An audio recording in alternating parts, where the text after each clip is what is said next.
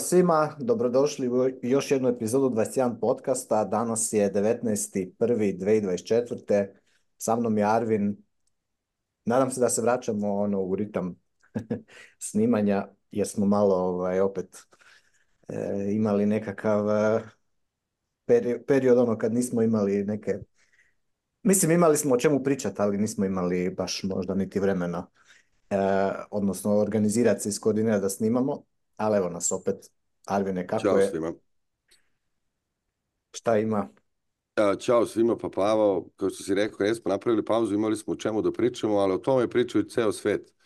Tako da, mislim, možda, možda i nismo mi puno Mi smo o tome pričali dosta ma, pre, da tako kažem, pre nego pre sve ove fame oko, oko ETF-a, ali naravno, ajde, bilo bi super da se ove, ove nedelje malo više skoncentrišimo na taj exchange traded funds, zašto, šta su exchange traded funds, e, zašto je možda za nekoga bolje kupiti ETF nego Bitcoin, da li uopšte bolje kupiti ETF Bitcoinovi ili jednostavno čuvati Bitcoin i, i, i sam, kako kaže, menadžovati svoje sredstva.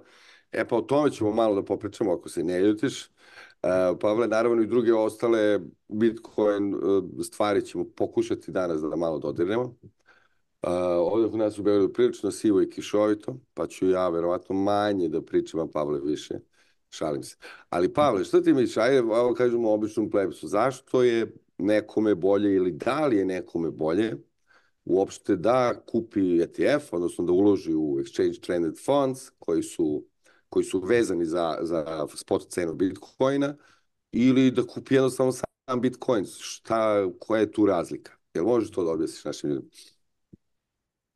A, može, svakako. Znači, dobro, vjerojatno ova naša publika koja nas prati redovito, oni već znaju šta je, ali evo, ovo je više ovako za nekoga ko možda po prvi put uh, sluša o tome. Znači, najlakša bi bila nekako možda e, usporedba e, je kao kad recimo ljudi mogu kupiti zlato, zlatnik, ne, na primjer, i uzeti zlatnik u svoj posjed, držati ga kod sebe ili kod sebe kod kuće u nekakvom svojem sefu ili jednostavno ga negdje spremiti gdje oni znaju gdje je i onda su oni, ajmo reći, u posjedu tog zlata, zlatnika.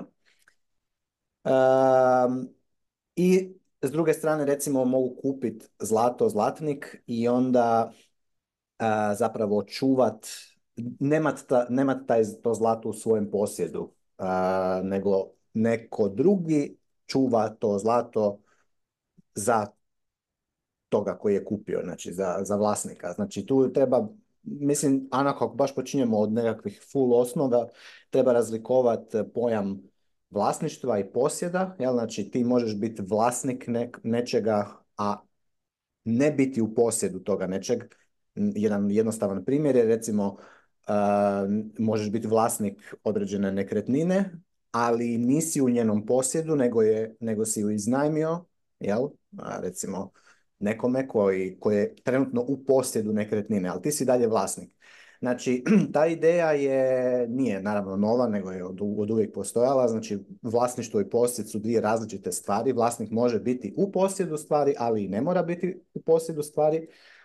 Um, i kod, e, kod, e, kod, tako, kod svih stvari, pa i kod novca, pa i kod zlata, pa i kod Bitcoina. Znači, kod Bitcoina ljudi mogu imati Bitcoin u svom posjedu, pod time, recimo ono što mi smatramo što znači imati Bitcoin u svom posjedu, u svojoj kontroli, znači da ti si kao vlasnik, imaš ujedno i mogućnost raspolaganja sa tim Bitcoinom, slanja tog Bitcoina na neku drugu adresu, što podrazumijeva da imaš pristup, da znaš private key, odnosno da znaš, da još pojednostavno da znaš lozinku svog bitcoina, pa ga možeš poslati bilo gdje. I u tom smislu bitcoin ima potpuno ovaj, rezistentan je na bilo koji oblik e, cenzure, bilo koju, e, bilo što što neka treća strana koja bi bila u posjedu tog bitcoina može e, napraviti sa tvojim bitcoinom, mada si ti vlasnik. Znači, s jedne strane ti možeš biti vlasnik svog bitcoina i u posjedu svog bitcoina ako kontroliraš privatne ključeve.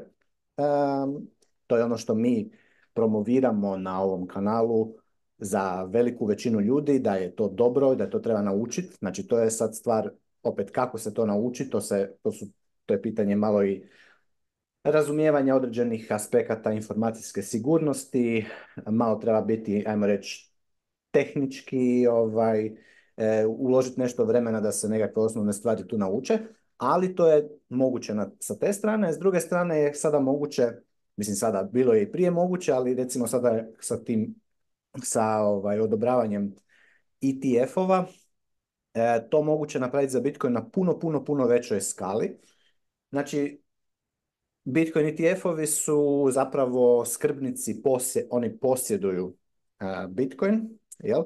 ali ljudi mogu kupovati e, i biti vlasnici toga Bitcoina, a da nije u njihovom posjedu. Znači, zašto bi to ljudi radili? Zato da, zato da se izlože prvenstveno ono, cijeni Bitcoina, znači da investiraju u Bitcoin, ne, ne misle ga recimo plaćat s njim, ne misle ga slat, ne misle koristiti te karakteristike Bitcoina koje ga čine koje će ga napraviti svjetskim novcem. Očekivanje su stvari da će ga koristiti kao digitalno zlato, odnosno kao nešto što Tako. će držati vrednost. Tako je, znači to će biti ono, e, jednostavno jedan dio, e, jedan dio ovaj, portfelja kojega ljudi e, sada već imaju, one, obveznica, dionica i tako dalje, akcija,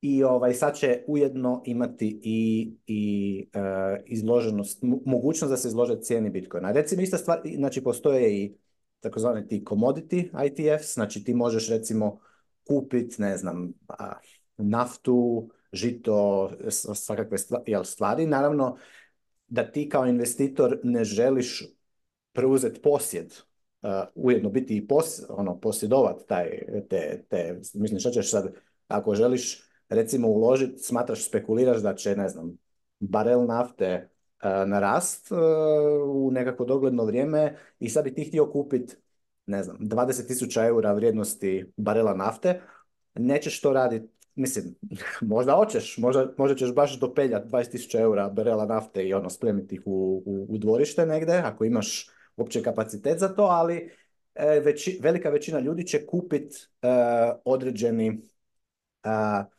ajmo reći kao financijski derivativ kojim će se izložiti te, toj cijeni, ali neće dirat samo naftu u posjed. Što više, kad je bilo ono e, lockdown i 2020. I, i, to ludilo, je cijena nafte u jednom trenutku iš, ono, zapravo je pala u negativno područje, upravo zbog toga što je tako potražnja za naftom naglo, naglo, naglo pala, da e, ljudi koji su, koji su imali te financijske instrumente kojima su se izlagali cijene nafte, nisu mogli niti preuzeti, znači bilo je skuplje preuzeti opće naftu u posjed, jer je to košta, znači košta naftu negdje uskladištiti, spremiti je i tako dalje, osigurati.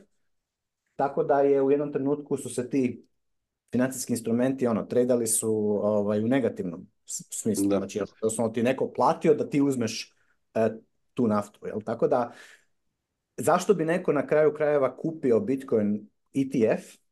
Uh, ultimativno zato što uh, jednostavno zato što ne želi iz bilo kojeg razloga ili nema vremena ili ili uopće ne želi uopće to raditi, ne da, ne da ne bi niti mogao, nego ne želi imati tu odgovornost, želi outsourcat od, odgovornost skrbništva oko, uh, oko, oko svoje imovine u trećoj strani, Eh, oni, oni kupuju ETF-ove i uglavnom su to veći investitori koji su, mogu biti fondovi, eh, mirovinski, bilo kakvi investicijski fondovi, osiguravajuća društva, eh, kak, kakav god oblik investitora je veći, uglavnom veći, će kupovat te stvari. Ja mislim da je to jako, jako dobra. a šta bi rekao svim šta bih rekao, jedno sad novoj celoj, kako da kažem, jednom novom sad talasu koji smo, evo, vidjeli ovih par dana od kako je, od kako je nastupio ETF,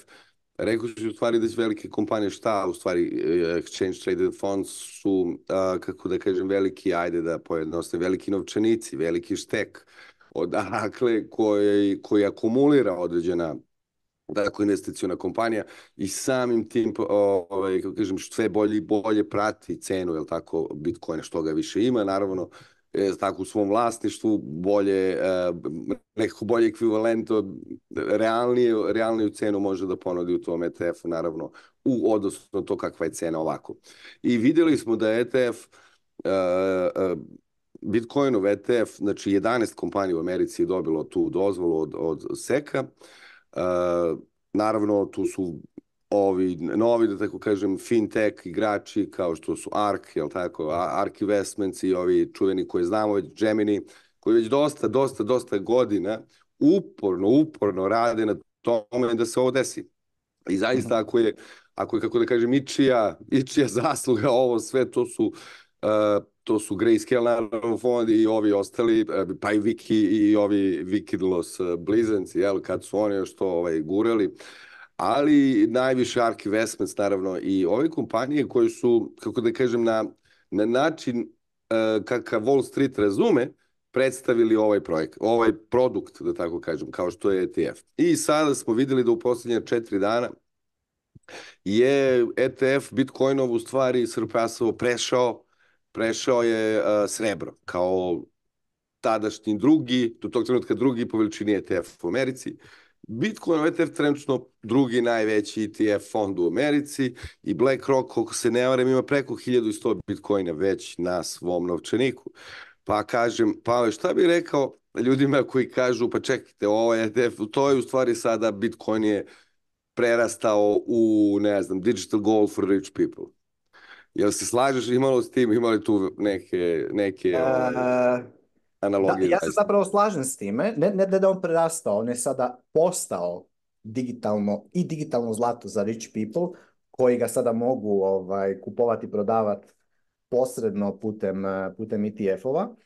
Ali ono što, taj, što to implicira, obično kad to ljudi kažu, ajme meni sad je to postalo ono, digitalno zlato za rich people, pa će prema tome isto tako završiti kao zlato, pa će onda ono, znači, ćemo napraviti zapravo novi Fiat e, standard ono iz e, zato što će se zato što će se Bitcoin centralizirati kod, ti kod tih ETF-ova kao što se zlato centraliziralo.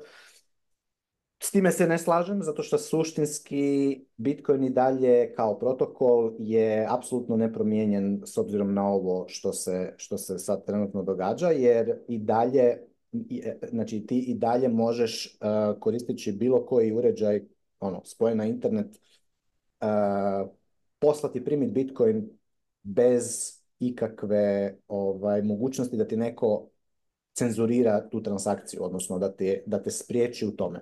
Znači, Bitcoin je i dalje ono što zovemo ono, censorship resistant, permissionless, immutable, znači i dalje, znači i dalje ovi ETF-ovi ne mogu promijeniti činjenicu da se... Nisu promijenili u prirodu Bitcoina, ništa, tako nisu prirodu Bitcoina. Tako. tako je, znači to je naprosto nešto, to je još jedan dodatni način da ljudi e, investiraju svoj novac u Bitcoin. Ja to jednostavno tako gledam, znači kao da se otvorila još jedna e, mjenjačnica koja je kastodijal mjenjačnica, jel?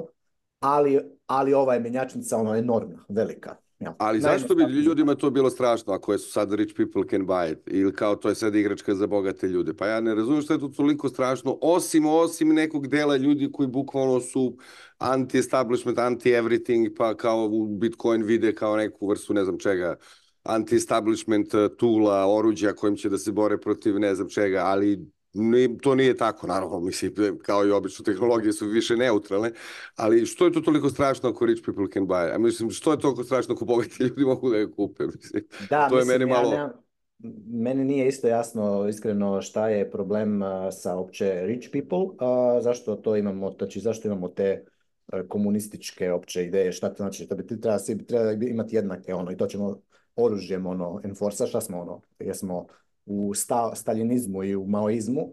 Znači, to je prva stvar, ono, to treba po meni, ako želiš živjeti dobar život, eh, maknut ča taj bullshit brain farts, znači da rich people somehow ne smiju ili su nešto loši po tom pitanju.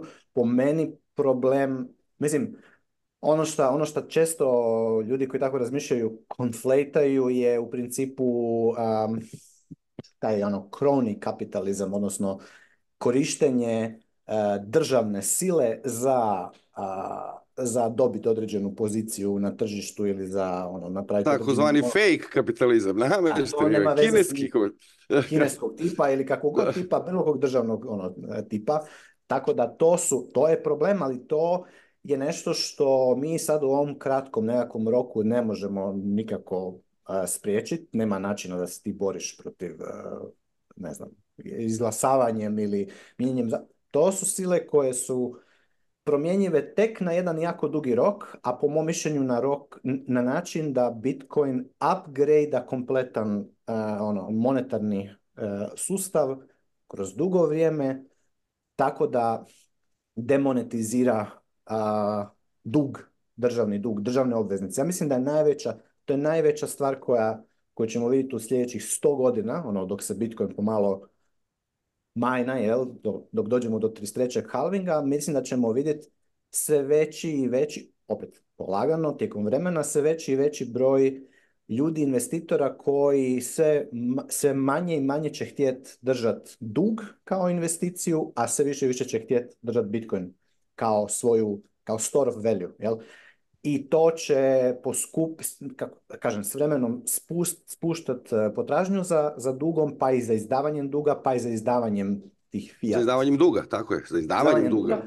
E, a s druge strane povećavati kupovnu moć Bitcoina, s čime će samo povećavati likvidnost Bitcoina i dizat, ono, e, kako bi rekao, atraktivnost, bolju alternativu za, za store value. I to ono što se tek pomalo sad, pomalo se to događa sa nekim jako forward looking ono, investitorima koji vide da, da im obveznice, državne obveznice neće ovaj, biti dugoročno dobar, dobra investicija, pomalo se izlažu u Bitcoinu i prebacuju taj svoj portfelj dionica, obveznica u Bitcoin. Tako da, mm. a to je proces koji... Će... Tako je. Meni se čini da je to malo više od ovih ljudi, kako da kažem, koji, su, koji politički gledaju na Bitcoin. Više nego ekonomsko-tehnološki pa ne bi želeli, ne znam, nekoga u taboru biti koji naše ili ne bi želeli da neko koristi. Pa, znate šta, jednostavno Bitcoin je za svakoga. Isto je, Za, za isto je za ljudi iz BlackRocka koji za vas. Apsolutno, ali ono što treba objasniti je da, ali dobro, jer isto razumije razumjeti zašto ljudi to kažu, jer obično ovi BlackRock, zato što imaju tako puno više imovine, onda imaju i puno veću moć, pa možda implicitno mislite misle ako, ako BlackRock sada, ne znam, na neki način ono, akumulira negdje milijun bitcoina i drži milijun bitcoina, da onda ima nekakvu veću već, veću moć nad Bitcoin protokolom. Međutim, to ne tako ne funkcionira. Znači, nema to znamo, to smo svi pričali puno puta, tome služi naša grupa, ne funkcioniš to tako u Bitcoinu. Znači, tako je. Bitcoin nije proof of stake uh, konsenzus, nego proof of work. I, I ti dalje, znači bez obzira koliko ti držiš, ti da držiš i pol svih Bitcoina, jel? a ti opet ne možeš ti, ok, ti držiš pol i ti imaš masivno, ono, masivno... Kad bi odlučio da ih prodaš, rušio bi vjerovatno cenu tako tako nešto, ali što bi sam sebi kopao grob, jel? Tako je. Ali definitivno ne možeš, zato što držiš tih pol, ne možeš inflatat, ne možeš printat bitcoine i devaluirat uh, ovu drugu polovicu koja drži. I to je ono što je, što je suštinska temeljna razlika između bitcoina i fiata. Znači, Badave meni ono, ja što imam više Fijata, a to sam bliže, bliži sam ono money printeru, bliže mogu ili nekakvim derivatima, ili nekim derivatima finansijskoj koji, izmišljaju neke novu vrednost na osnovu toga što ti imaš sad, ne znam, 100 kojena, na osnovu toga izmislimo derivat koji jel, može da se preprodaje u tri ruke na berzi ili tako nešto.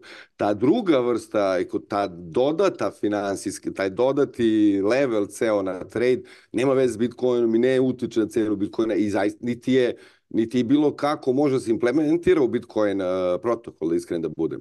A, može se praviti drugi protokoli kojima se, ne znam, izdaje renta Bitcoin koji oni imaju ili šta god. Ne znam kakve vrste sve još derivata mogu se naprave na tome, ali one sigurno neće biti na Bitcoin blockchainu, niti će utjecati na Bitcoinov konsenzus. Mislim na konsenzus koji se ostvaruje na mreži. Tako da da, uticaj ne znači to, kao što se rekao, nije proof of stake, da imaju milion etera, verovatno bi imali veći uticaj, da imaju milijun bitcoina, imaju isti utjecaj kao i vi sa 0,001. točno tako, točno tako. I, i dalje je ekonom, eko, monetarna ekonomija bitcoina identična iza toga koji ima 001, iza toga koji ima milijun bitcoina. I dalje je jednako skupo kreirati nove bitcoine, minat bitcoine, jel?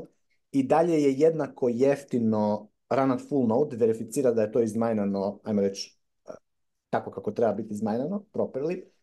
Uh, I prema tome, za to se ne treba brinuti. Ono što je najbolja stvar kod toga da su se ETF-ovi odobrili, ja sam jako sretan zbog toga i volio bi da se toga još, neka, neka bude što je moguće više načina da ljudi lakše mogu doći u, u, u, u znači da mogu lakše investirati u Bitcoin, ultimativno zato što je to uh, number go up Znači, number go up tehnologija je ona overarching, primarna, najbitnija tehnologija kod Bitcoina, iz koje sve ostale proizlaze. Jer ultimativno, znači činjenica da mi imamo Bitcoin kojega, koji je tip novca koji, je, koji ima fiksno određenu stopu inflacije, odnosno ima fiksno određenu emisiju, da, emisiju. emisiju jel? i znamo točno koliko će ona biti e, danas, koliko će ona biti za godinu dana, koliko će biti za 10 godina, za 50 godina, za 100 godina i za 1000 godina. Znamo da niko neće moći kreirati više od 21 milijon bitcoina, to znamo. Kad, kad imamo to, onda možemo logično zaključiti da to je novac koji kup koji će imati u prosjeku u budućnosti veću kupovnu moć nego što ima danas. Dok s druge strane imamo fiat gdje znamo da se novi Fiat kreira zaduživanjem i gdje znamo da se... I ne znamo koliko ga je, nemamo ne pojma ko je koji sprint to. ne znamo koliko ga je, ne znamo koliko će ga biti u, za godinu dana, za 10 godina, za 50 godina, jer opet, znači bit, e, Fiat se kreira zaduživanjem, a nestaje razduživanjem. Znači tako da mi nikad to ne možemo, mi možemo fantazirati, ali realnost će nas uvijek vjerojatno ono, će se pokazati drugačija i onda jednostavno zbog toga možemo zaključiti da je fiat novac koji na dugi rok će gubit kupovnu moć, pa prema tome nam treba nekakva alternativa da ga stavimo u nešto drugo. A Bitcoin je jedna alternativa. I sad šta? Zato što, znači, ako mi, doz, ako mi imamo više načina da više ljudi sa većim kapitalom može lakše uh, e, ući u Bitcoin, što su ovi ETF-ovi sada e, omogućili velikim investitorima da na, na najlakši mogući način jednostavno ulože velike, velike iznose u Bitcoin, a to diže to diže Bitcoinovu monetizaciju. A kad se, znači kad više, kad je Bitcoin, kad je kupovna moć veća, to privlači više ljudi. I onda bi, zbog toga što niko ne može kreirati više Bitcoina kao odgovor na tu veću potražnju i na veću cijena ide gore. Kad cijena ide gore, e onda se ulaže više u razno razni razvoj, tu su sad ove stvari koje kako ćemo mi sad, ajme meni šta ćemo sve svi će Bitcoin završiti u ETF-u, pa ćemo morat samo tamo pitat e, Larry Finka ono dozvolu da možemo, ne znam. Doći će država pa će nam... Moji neće, moji neće završiti kod je. A tvoji pa ono ne neće, a definitivno će se, baš zbog toga što je ono number go up, će se još ogroman broj voleta e, voleta, protokol upgradeova layer 2, layer 3, razno raznih ono, tehnoloških razvoja za skalabilnost. I, ili, za financijske, ili za financijske Sve. onoga, bari fetluke, što bi rekli. Mada se s tobom ne bi složio, Bog Divan, da neće biti više nikada. Na jednom bio je ovaj dobar uh, CEO, direktor JP Morgana, je bio u jednom kratkom intervju u Davosu, ne znam da li si vidio to. I, je, ovaj, u jednom kratkom intervju u Davosu gdje su ga pitali baš naravno ovi CNBC-a ovaj su prilično naloženi na Bitcoin i skoro nikada ne propuste šansu pitaju bilo kog svog e, gosta šta misle o tome a naročito njega obožavaju, da tako kažem, žacaju što se toga tiče. I on nije baš bio siguran da se to što se neće pojaviti i sprintiti još, Pavo, tako da ne znam možda on zna nešto što vi ne znam Da, da, Jamie je rekao da će, kako, kako znate da neće biti više od Ja Mislim, a to je dobro pitanje koje je on postavio, samo što samo govori da on nije, on osobno nije, ono, do your homework, pa nije zaključen. Mislim, naravno, to, je, to stvarno je dobro pitanje. Kako to da neće, šta ako... Kako ta peta linija koda, peta linija koda, kako ona može se izmeniti tamo u tom... E, kako može? Može da se izmeni, stvarno. Naravno da može, mogu ja sad doći e, forkat Bitcoin e, kod na GitHubu i promijeniti tu liniju, evo, E, napravio sam Bitcoin koji malo, koji ne staje tamo na 21 milijun, nego nastavlja dalje. ima, ima ono, kako kažu, 2%, inflaciju ono. Kao e, zašto e, 2%, ne ali, ali kao 2%, je, to smo se da, da, da, da, stimulira ono, ekonomiju, da ne, da ne svi ne umremo od gladi, jer, ono, jer, nam, bitko, jer nam novac raste Ali dobro, mislim, naravno to, Jamie Dimon će, mislim, ja, se sjeća od njegova čeri ili tako, ne, djeca ono drže Bitcoin, pa vjerojatno je on... Da, ma pa dobro, pa da, JP Morgan ima drugačiji malo javni nastup od drugih, ovaj, to nije Larry Fink i BlackRock, to BlackRock je, tako kažem, to Van to su kompanije koje su, tako kažem, eh, eh, market makeri, prave te markete, oni ih ismišljaju, kreiraju. Da podsjetimo ljudi da uh, exchange traded fond su izmišljeni 90-ih, znači to nije neka stara da kako kažem, berzanska neki trik, šta ti znam. On to je izmišljeno 90-ih i taj čuveni diversifikacija, jel, što im i nekad se jako često koristi i u ovom, u ovom polju, da kažem, e, Bitcoina, to kao, e, sad ću da podelim malo svoj, jel, svoj portfolio, to je u stvari 90-ih, zbog toga su nastali e, exchange traded fondovi, tako da kažem, nastali su za ljude koji ne žele da se bave ničim drugim vezanim za taj proizvod osim cene. Kao što si e, napomenuo to jel, sa skladištenjem, držanjem i tako to. ETF iskreno rešava i puno bezbednostnih problema. Znači, vi ukoliko želite da e, ne znam, ulažete svoj vole da imate na svom ne znam, kompjuteru ili gde već, zahteva određenu dozu tehničke pismenosti, zahteva ulazi cyber security, odmah tu ulazi opasnost od e, jel tako, nestanka, hrađe, svega toga, a naravno digitalno, pošto je untangible, jel tako nema oblik koji bi jel, mogao da vidiš, pa negdje sakriješ pod zemljom ili šta ti ja znam, u tom slučaju ljudi su mnogo više sumnjičavi, pa bi radije u stvari verujući u tehnologiju, kladili se u njenu cenu, nego zaista koristili tu tehnologiju na najbolji način, tako kažem. Da, ali i s druge strane, ja mislim čak i da ima, ne samo to da bi, da samo zbog toga što možda im je teško ili ne znaju ili ne bi htjeli ulagati u to, nego čak i da, odnosno da ne bi htjeli e, te sve tehničke stvari oko čuvanja Bitcoina on their own, nego jednostavno ne žele, čak i da je mogu, čak i da imaju kapacitet, da, da, naravno, naravno. to napraviti zato što žele imati e, tu treću stranu od povjerenja koja će se za to pobrinuti, koja će im pomoći određenim drugim stvarima.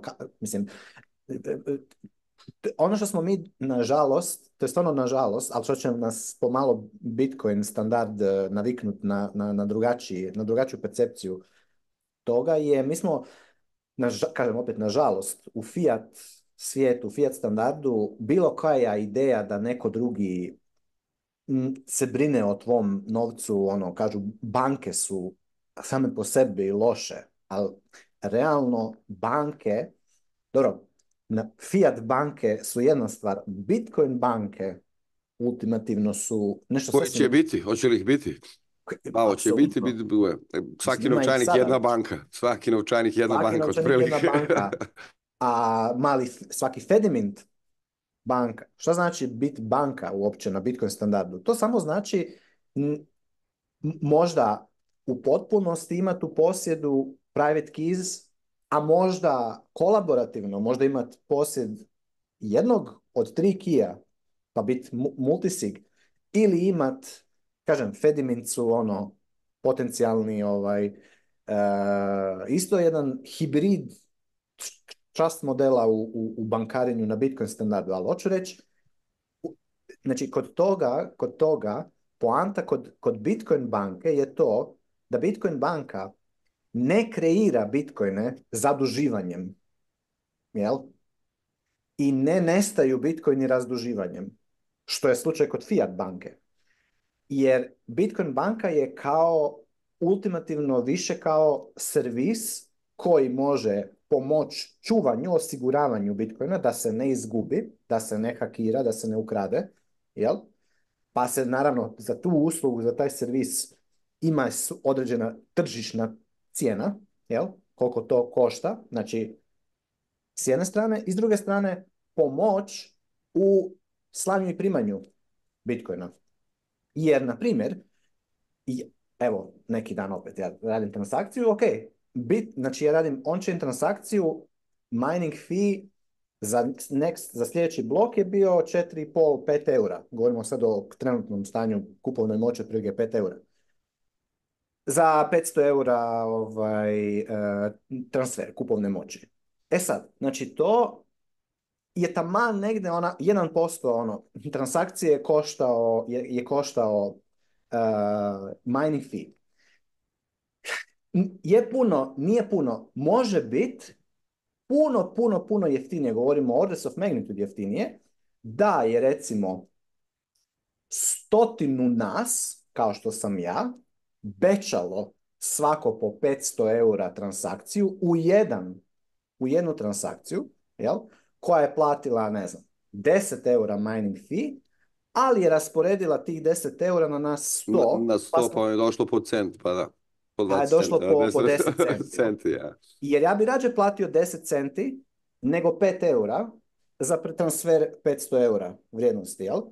E sad, za tako nešto napraviti, ja moram imat, moram trade-offat jedan dio, što bi recimo trade-offo za takav iznos, a kontrole jel, posjeda, u treću stranu koju, koja će napraviti to... batch te transakcije. Ja. Najbliži su znači- Fedimint i možda objasniti ljudima šta je Fedimint. Samo su spomenuli, ne znam pa da li svi znaju, ne ali... Ne bi, čak niti Fedimint, nego pa možda bi rađe... E, open, source, open source neki protokole, odnosno neka grupa ljudi jel, koja se udružava da ne, nekako zajedno handluje svoj Bitcoin na tome. Tako je, lakše bi čak možda bilo evo ovi lightning walleti koji trenutno su ono full popularni. Recimo imamo e, trenutno, ajmo reći, pa onako za većinu ljudi nekako dva najpopularnija Lightning uh, walleta su sad Wallet of Satoshi, koji je custodial, full, jel? I Phoenix, recimo, koji je non-custodial, ali koji, mislim, koji ti kontroliraš e, jel, ključeve, ali za, za, za Phoenix ti imaš 40 bips, znači 0,4% fee kad šalješ i kad primaš, kad otvaraš kanal prema i, imaš ograničenje likvidnošću, likvidnosti e, e, koje možeš primiti u, u, u svoj wallet. I sad, ja, ako, ako nas dva imamo wallet of Satoshi, nama transfer inter nas dva ne, je doslovno nula. Znači mi možemo, a, dok god nas dva vjerujemo, imamo, dobro, imamo povjerenje prema sa Satoshi, mi možemo back and forth muvat novac interno u spreadsheetu sa Satoshi na neki način, jel? Ako želimo, ako želim ja poslat tebi, a ti imaš Phoenix wallet, ti ćeš platit e, ili, zavis, dobro, imat će zavisi da su oni povezani, da li je ovaj, da li e, Satoshi Fee da su oni povezani direktno ili će ići nekakav routing fee, ja ću morat platiti nekakav routing fee, ali ti ćeš morat platiti određeni, ti ćeš morat platiti fee za otvoriti taj kanal, jel? I ostaće ti samo taj, ta veličina kanala koliko sam ti ja poslao. Znači, ako sam ti poslao 100 eura, dobit ćeš 100 eura inbound liquidity. A s time da, ti možeš rentat liquidity. Znači šta? Poanta je da ultimativno, ultimativno ba, jer da se vratim samo nazad na, na, na poantu. Na kraju cijele balade, niti, niti Voletov Satoshi, niti Phoenix nemaju mogućnost printanja Bitcoina, zaduživa... Ne mogu ja doći reći, slušaj Phoenix, slušaj Voletov Satoshi, ja bi volio posuditi 10 Bitcoina. Naš, ono, kužiš, jer želio bi ono imat sad, eh, kupiti kuću, vidio sam tu lijepu krasnu kuću, 400 tisuća eura, košta, ja bi jedan, ovaj, ja bi 10 bitcoina, ono, bring it into existence, znači ono, dodaj 10 bitcoina na, na, na bilancu i ovaj, ja ću ti to vratiti ono za 30 godina i sa kamatom natrag.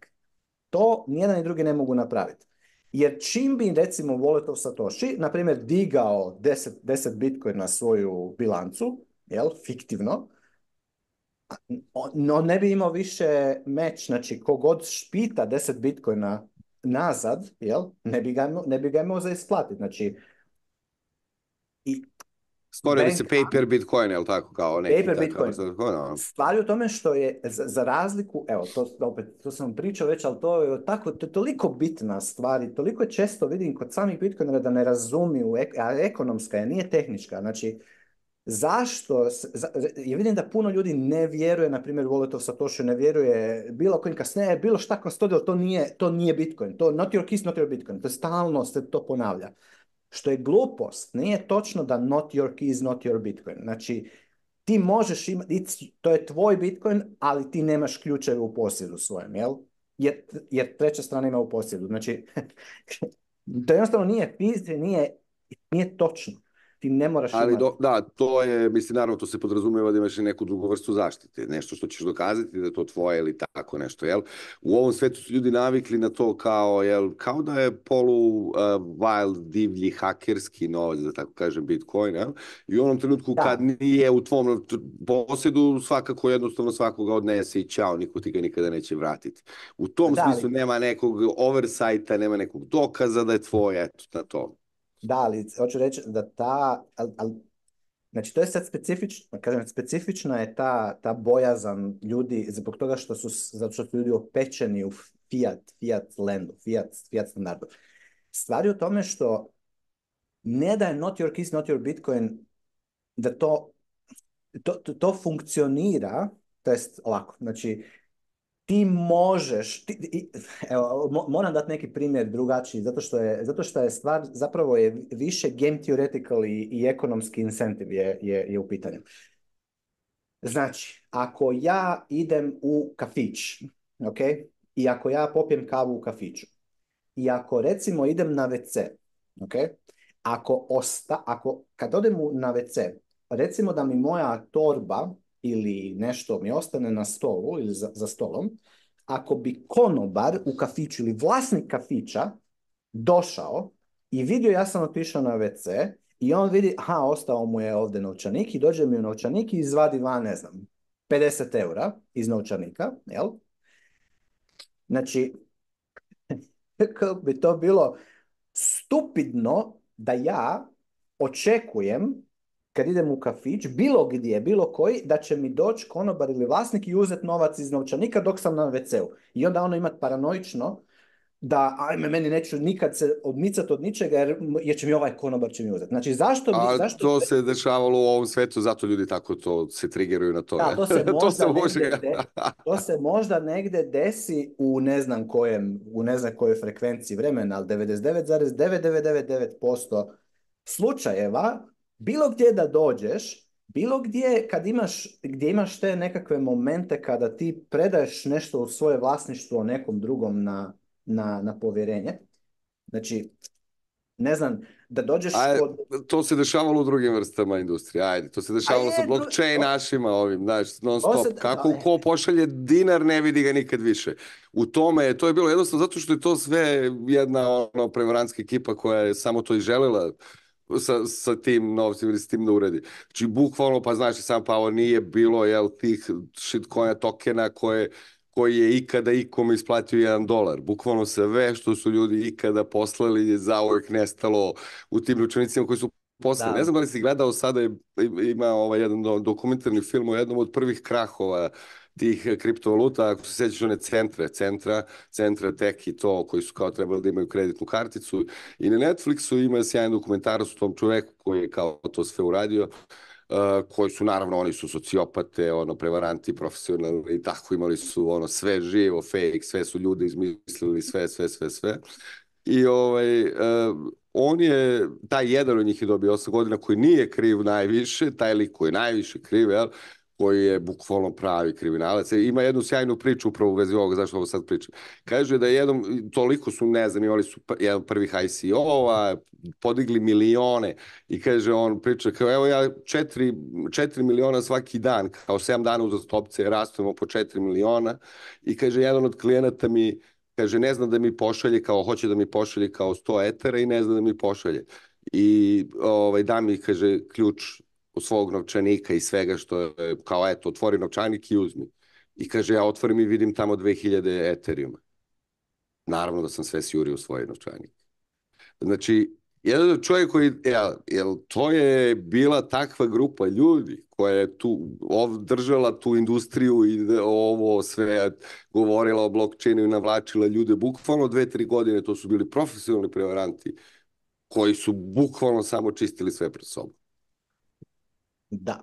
Pa, mislim, da, da. E, e, ok, pa ja i mogu razumjeti zašto, se, zašto, zašto ovaj, Bitcoin ili pogotovo se kaže ono, not your jer je, ima, ima Mada je recimo po meni je opet kripto Jel to uopšte nije bila industrija, da se razume, to mi nije bila da. nikakva industrija, niti nameravala da preraste u neku industriju, niti su oni nameravali da napravi neki proizvod, niti tu ima tehnologije, niti tu ima bilo čega. Po tome je Bitcoin različit od svega toga. Zbog toga vam Bitcoin neko neće uzeti jer ćete zaovek izgubiti poslovanje, a zna da, dalje će vrediti, tako je. Upravo tako. Mislim, e, nema, znači, incentiv, ekonomski incentiv Bitcoin banke, na primjer, da ukrade depozite svoje, svojih e, klijenata je toliko, toliko je, kako bi to rekao, malen naspram onoga što, što to jest mali je dobitak naspram gubitka kojega, kojega ćeš dobiti. Tako je, zato što tehnologija zaista radi. Zato što možeš da, da napraviš dobar servis koji zaista radi dugo godine i uzima puno novca. Tako je, tako je. It's not one, one, jedna prilika, jedna šansa da opljačkaš ljudi Upravo i to. i zapališ na Havaje. Da. Lightning banka, recimo, Lightning node, e, ono, kad stoji Lightning node, recimo tipa Wallet of Satoshi. Wallet of Satoshi naplaćuje, vidio sam da ima 1% od iznosa kojega e, pošalješ on-chain, e, kepaju, mislim, opet i dalje treba provjeriti, ali mislim da i dalje neće, da drže više od 5 bitcoina, jel? Po, po jednom Akauntu, uh, što je Ma, mislim, to je... To je 200.000 dolara, kao on, ajde. Da, to uopće nije malo novaca, znači... E, i, ali, ono, recimo da ti hoćeš poslat, ne znam, jedan cijeli Bitcoin na wallet of Satoshi, platit ćeš 1%, e, e, to je šta? Sad, 400... 400, 400 dolara. eura. Cirka je 400 dolara. E, tako da, e, ono, plus, plus Wallet of Satoshi ima, ono, ono, vranaju i routing node, tako da imaju nekakav uh, ono, fee kroz, kroz, kroz to. Znači njima je uvijek u, u interesu i bit će ih još kao Wallet of Satoshi puno. Fedi će recimo još po mom mišljenju eksplodirat u jednom trenutku broj tih Wallet of Satoshi like kao custodial lightning nodova koji pak imaju E, nije Voletov Satoshi tamo neka ekipa u Australiji koju nisam ja nikad vidio uživo, nego evo tu mojih, ne znam, deset uh, lokalnih e, ljudi koje znam, koji svi zajedno ono, čuvaju, ču, e, ranaju, ajmo reći, Lightning banku za nas 2000 tun koji živimo na, na otoku, recimo. I mi im dajemo pomalo, jel? tako je. Prave se nova, nova tako kažem, vrste financijskih obaveza i finansijskih institucija. Tako je, točno to. Jer barrier to entry, znači ja da postanem Bitcoin Lightning banka, ja trebam imat samo isključivo na kraju, ultimativno na kraju balade, trebam imat uređaj spojen na internet. Jel? Znači ja ne moram imat, ja da hoću postati banka na zlatnom standardu, jel? I, i istu tu stvar napraviti tu na, na malom otoku e, za 2000 ljudi ono držati jednu malu banku zlata, tako da, da imamo mali zlatni standard na otoku, ono imamo hoćeš, hoćeš, svoje, hoćeš svoje zlato, evo možeš ga uzeti jedan na jedan, ne znam. Premeri ga tamo, da, premeri ga u skladištu. to je bilo tu, pa si onda morao, gle, znači to onda moraš, to mora fizički osigurati, to košta fizički sigurno, znači moram imati moram platiti tamo negdje ovu venecijansku... ovaj, I u ovaj, stvari što ga duže držiš, veći ti je veći ti je procenat koji odlazi, jer Tako je, na se konstantno ti moraš da plaćaš jedan procenat, koji je možda je manji od 1% ukupne vrednosti, ali je konstantno, znači godinu za godinu mora da ne bi izgubio 100%. I posle 100 godina ti ćeš izgubiti otprilike 100% te vrednosti. to je bio i slučaj, jer ti si, ti ljudi su tu plate, recimo govorimo prije 500 godina i 600 godina, ne, ti ako si htio trgovat, na primjer, hoćeš trgovat, tu su recimo na, na otoku Rabu prije 500 godina, 600 godina su uzgajali, to se zove murva, stablo, dud, od koje se radiš, imaš dud. Dudov, a mali dudov svilac, onaj, onaj, onaj. O, da, da, svila, e, da. I onda staviš ih x broj na brod šao skroz tamo ono Marko Polom putem u Kinu i oni tamo recimo rade, svilu. Ali tu, tu, je bila, nije bila svilana, zato što skill vještina za baš raditi svilu nije bio, ali bila proizvodnja dudovog svilca. Šipaju. Stvarno Kinu. nisam to znao, to je od, sa, sa znači, vašeg ostrava. Jes, jedna kuriozitet ovako, ali to je onako malo povijest još prije pa što? Pa to, pa to je point. Ali šta ti recimo bilo s tim? ti da bi što mogao odrađivati, da bi mogao pomorskim putem trgovati sa tako dalekom, ma čak i već da odeš hoćeš ono do, do Aleksandrije, do ono Egipta, ti moraš imat reket plaćat za zaštitu Veneciji, znači ovo je, kako se, no, vene, Duždu, dobro. Letačka republika, Znači, tako je, dužd, venecijanski, koliko košta? Ha, ha, šta ja znam, bubnuću 500 dukata, koliko je to moglo biti? Šta znači jedan dukat? Pa, ne, pojma. 500 banana, pa ajde, 1000 e, svaki, svake godine 500, 500 tih velikih zlatnika daj tamo da ti onda on, naš, ono, da ti brodovi stignu na krajnje i kaže daj ti to vamo. Ono, to je nešto kao što Huti sad ovo rade u, u Crvenom moru. Pa, pa treba da prati mornarica te brodove. to ti ono carina, jel? Znači, da mafijaško, mafijaško. Pirati su dugo bili unosno zanimanje i jedno naj, najunosnijih i najnotornijus. Da, i ovaj, e, i sad, ali poanta je na zlatnom standardu, zlato srebro, jel, zlato pogotovo, ti imaš te ongoing cijene i plus što ti, da bi započeo biti postao banka, ti uopće moraš moć imat, znači moraš moć osigurati to, zlato, moraš moć već raditi te, te, To košta. Trans, transferirati fizica, u fizičkom prostoru zlato košta iskalira se taj trošak sa iznosom, sa vrijednošću koju želiš poslati. Pa nije meni isto poslat jedan e, dukat Zlatnik ili brod pun zlata, naravno. Ili brod pun zlata će mi biti, u, to, to, to moram ono planirati e, mjesecima, kako ću uopće to poslat? Znači, koga, koga sve moram namiriti? Da mi I čuveni su bile čak i one priče, ako znaš, Španskoj armadi koja je bila po 10-12 brodova su stvari pratili brod koji je nosio novac. Absolutno, znači... To je ono, iz Amerike, naravno, Da. I onda kad usporedimo to i Lightning banku, Bitcoin Lightning banku, di ako ja počnem raditi nekakav shenanigans, znači ono, ne pošaljem ili ono, kažem ljudima da, da imaju više nego što zapravo ja imam jer sam ja ono spržio uh, njihov novac na ne znam šta, pa mislim ja ovako mogu izgubiti taj posao, a vrlo ga je jednostavno, vrlo me jednostavno zamijeniti.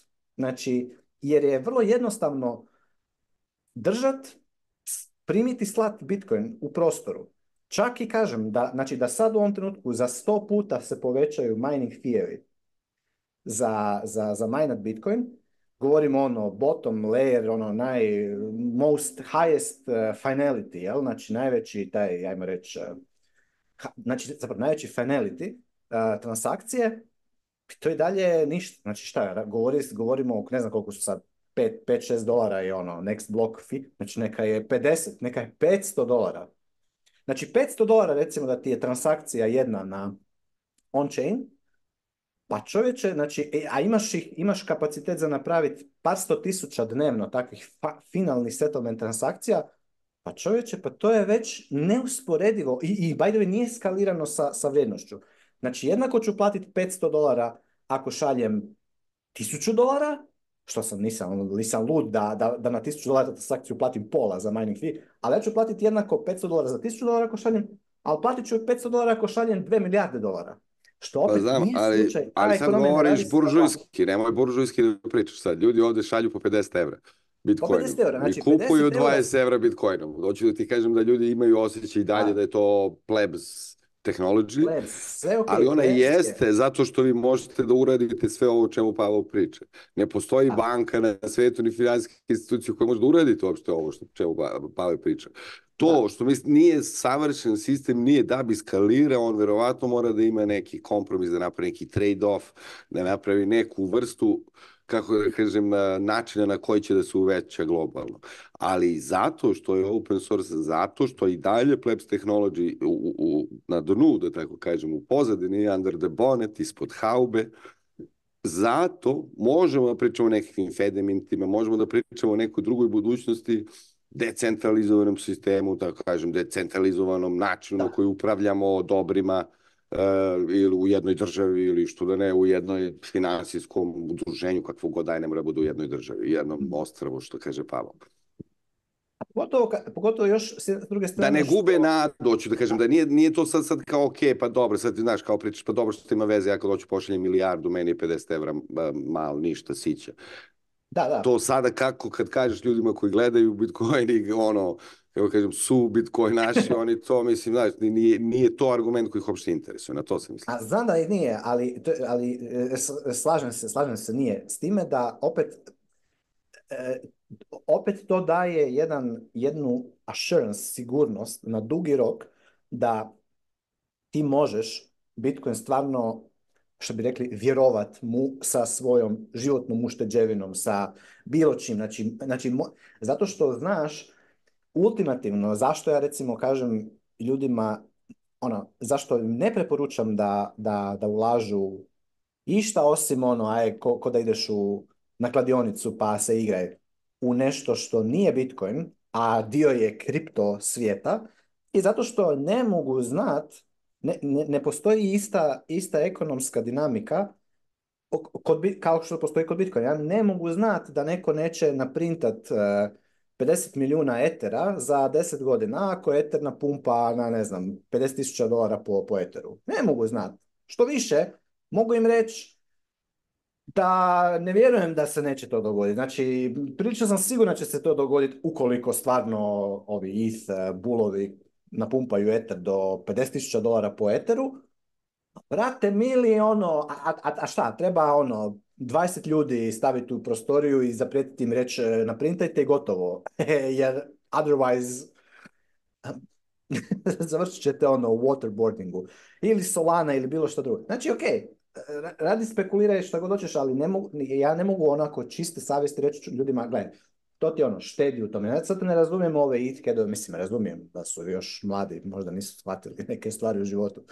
Ali kod Bitcoina ne, to mogu i tekako reći.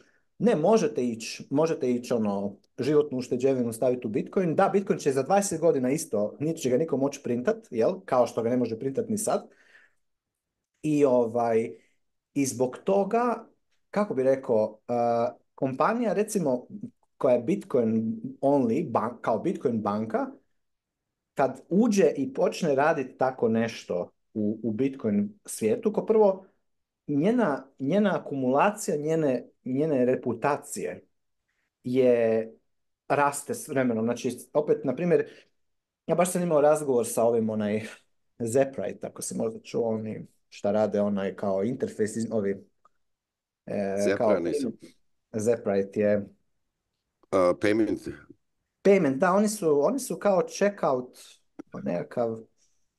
Uh, Bitcoin payments made easy. U biti oni su e, interfejs koji, ti pove, koji ti poveže i fiat i Bitcoin payment trail. Znači ti možeš bilo koji Bitcoin wallet konektat sa njima. Znači oni nisu custodian, nisu niti payment procesor, nego su, ajmo reći, e, jedan layer između... Sidechain za, side za fiat ne čak sad za fiat, nego ti hoćeš recimo izdat račun, ok? Izdaš račun za nekakav svoj, ne znam, neku uslugu koju si napravio, recimo za ne znam, tisuću dolara, i ti kažeš, evo ja ću izdati račun i ono, možete mi platiti bankovnim transferom fiat, možete mi platiti karticom, jel, Visa, Mastercard, to ako imaš Stripe recimo, možete mi platiti bitcoinom, a možete mi platiti on-chain Bitcoinom koji će mi ući u moj, u moj e, wallet, možete mi platiti Lightningom koji, koji ćete mi, ja ću konektat svoje LND Ili ako recimo imam, e, ne znam, Strike e, su povezali, pa Strike account samo ti direktno uđe u Strike. I uglavnom... BitPay ono u stvari. To je u stvari je neka vrsta BitPay, tako? Skoro. Kažem, oni, ti, ti odabereš metodu kako ćeš platiti jel? I platiš. I to, to, to može biti e-commerce checkouts, znači ono, ako imaš nekakav svoj online shop ili, ja, ili možeš invoice napraviti, ono, one time invoice. Ali zašto to govorim? Znači, eh, oni, opet, oni nisu custodian, nego oni, znači oni konektaju druge, druge, druge volete koji su kastodijani, non kastodijani Baš smo imali eh, razgovor o tome, recimo možeš konektat Albi, Albi wallet, znaš ovaj browser based ovaj custodial lightning. Čekaj da to pokažem. E, to, je ovi, to je sa ovim bitcoinerima koji su na Nostru uh, popularni. Znači, Albi je e, browser e, ekstenzija. Ekstenzija za browser, da. Ekstenzija za browser koja je ujedno i... Kao Metamask nešto, tako da Kao Metamask, s time da je um, custodial uh, lightning, jel? Mhm. Znači možeš, recimo ja sad mogu um, na, na nostru, znači mogu ovaj zepat, jel? Mhm. Ovo me tu, znači ok? Znači ona će mi dati... Imaš njemu onaj boga daj nekom plepsu nešto.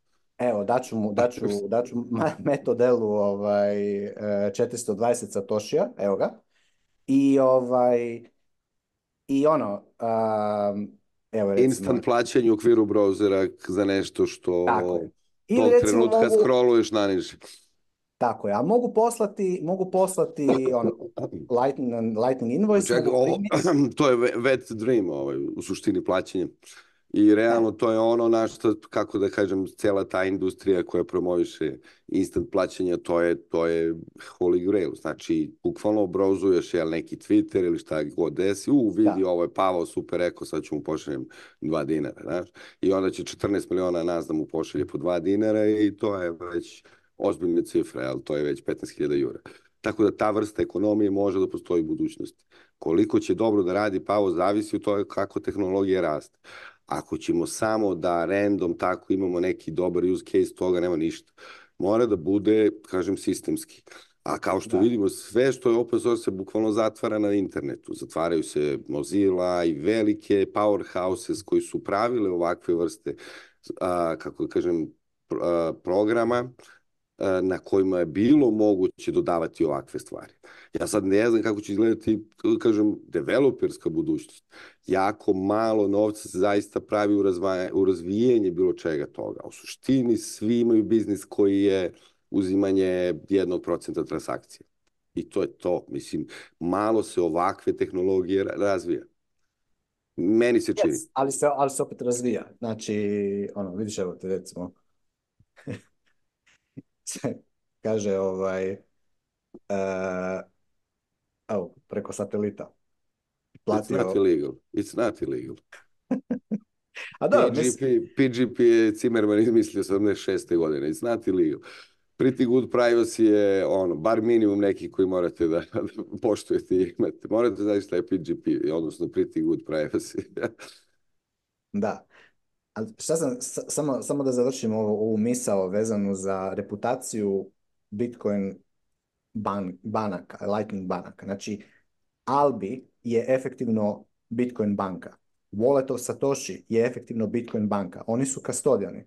Znači, ovih 206, 334 Satoshija su moji Satoshi, ali oni nisu u mom posjedu. Kad bi Albi htio, Albi bi mogao reći meni, hop, Pavo, Izvini, nula samo, samo ispiše nulu, umjesto 200 eura, da, broj nula, da, i čao. E, sad, zašto oni to ne, zašto ja smatram da oni to neće napraviti? Zato što... Naivan si, zato što si naivan, u stvari...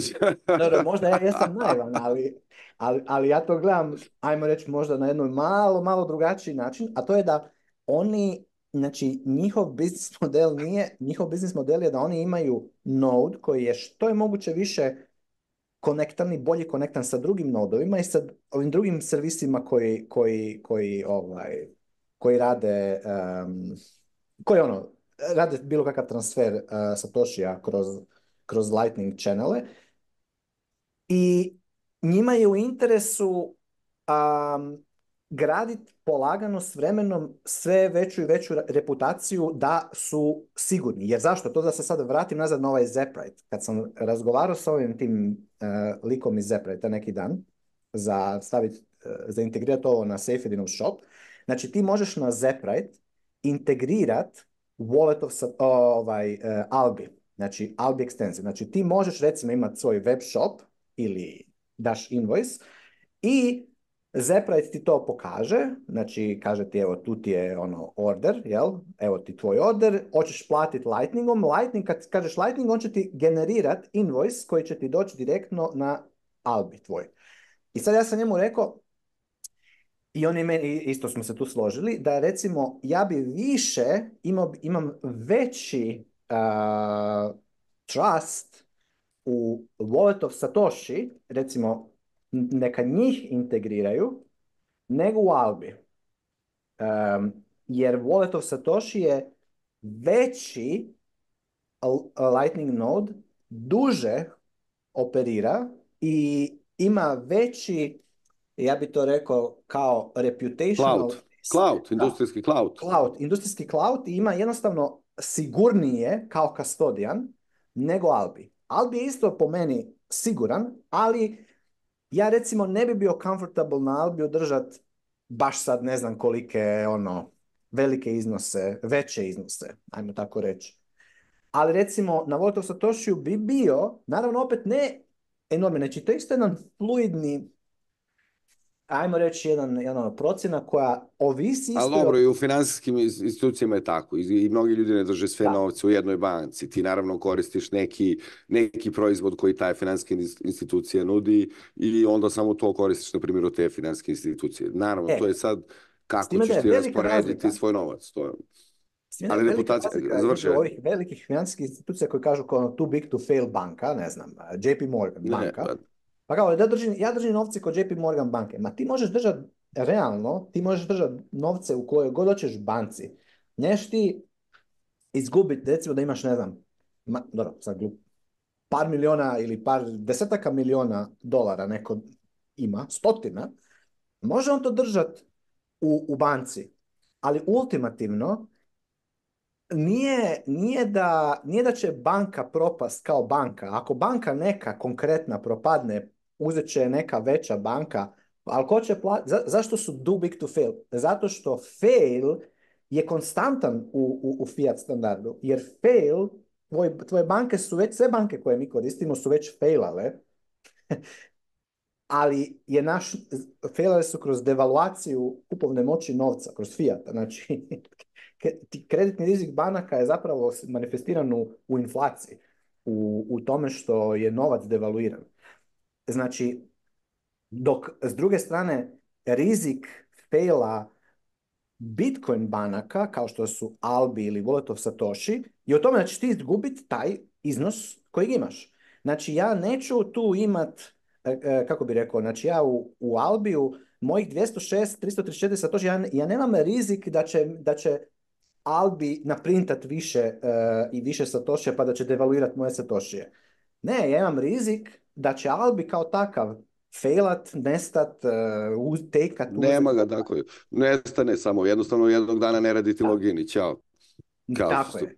E sad, moja, znači, e sad, ono što ja samo želim reći, na razini cijelog tržišta jel, i, i te kompetitivnosti između, između puno različitih Albija, Voletov Satošija, Pedimintova, razno raznih modela Liquid sidechain, liquid, kažu liquid sidechain, a nije Liquid sidechain. Liquid, Liquid je isto tako realno jedan oblik banke. Bitcoin banke. Da, jeste, da. Jel? Liquid nije sidechain, e, ne. Možemo mi to zvati semantički da je to sidechain, ali to je efektivno Bitcoin banka. Jel?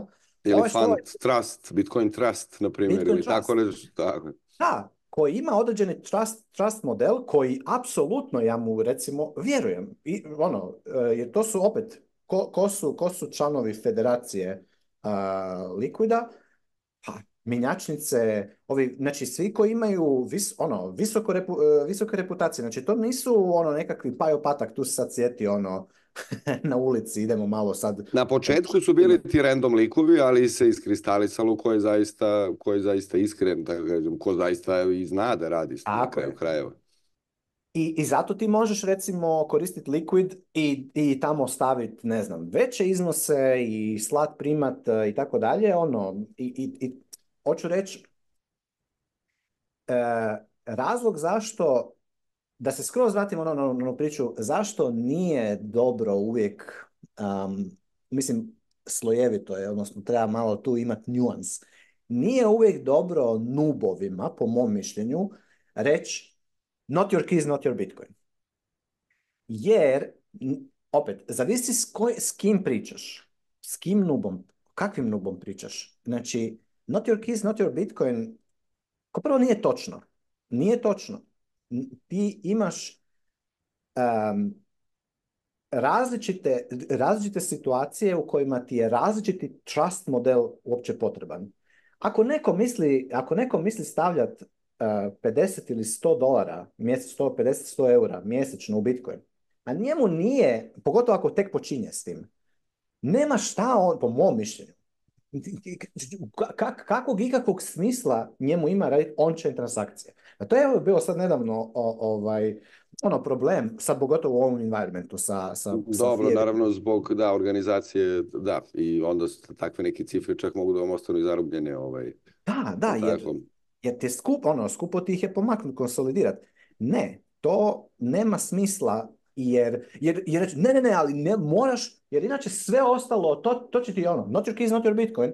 Ako staviš na wallet of Satoshi, ah, rak pull. wallet of Satoshi će ti doći ono, popodne i rak To je meni ista, identična ono, identična eh, line of thinking kao da dođem u dućan i kažem, gle, ne, ovu vodu, bocu vode, to neću kupiti. Zašto? Zato što su otrove unutra. 100% ako popijem tu vodu... Pa čekaj, to se čak i desilo kod vas u Hrvatskoj, nemoj tako. Jesu pa bile neke otrovni, šta je bilo s onim ja, ono je bilo strašno, Ili kojiš ono, ne znam, šta Znači, ti možeš imati... Šalim se, to je tržište koje je dugo, dugo, dugo, milenijuma tu. I onda se razvio ono neki Ovo je malo tržište, kratko traje, pa su ljudi naravno skeptični prvo. A i kažem ti zbog onoga što smo pričali. Ele, ali što kažeš, poverenje je važno. Poverenje je toliko važno da realno, eh, iako su bukvalno cijela američka administracija bila protiv, bukvalno ceo, sve demokrati i svi mogući su bili protiv, Bitcoin ETF se desio. Zašto? Zato što to jednostavno je, mislim, to je eh, prepoznato kao jedina drugačija tehnologija i ti ne možeš zaustaviti ljude koji žele da zarade novac. Jednostavno ne možeš da ih zaustaviš. I onda zbog tih sudskih presuda koje su bukvalno rekle, izvinite, vi ne možete zabraniti ljudima da ulažu u Bitcoin. Ne možete da im zabranite na taj način da ulažu. E, I onda mi kao država moramo da imamo e, neku, kako kažem, polugu da, im, da ih jel, zaštitimo. Odnosno da im damo neku vrstu poverenja.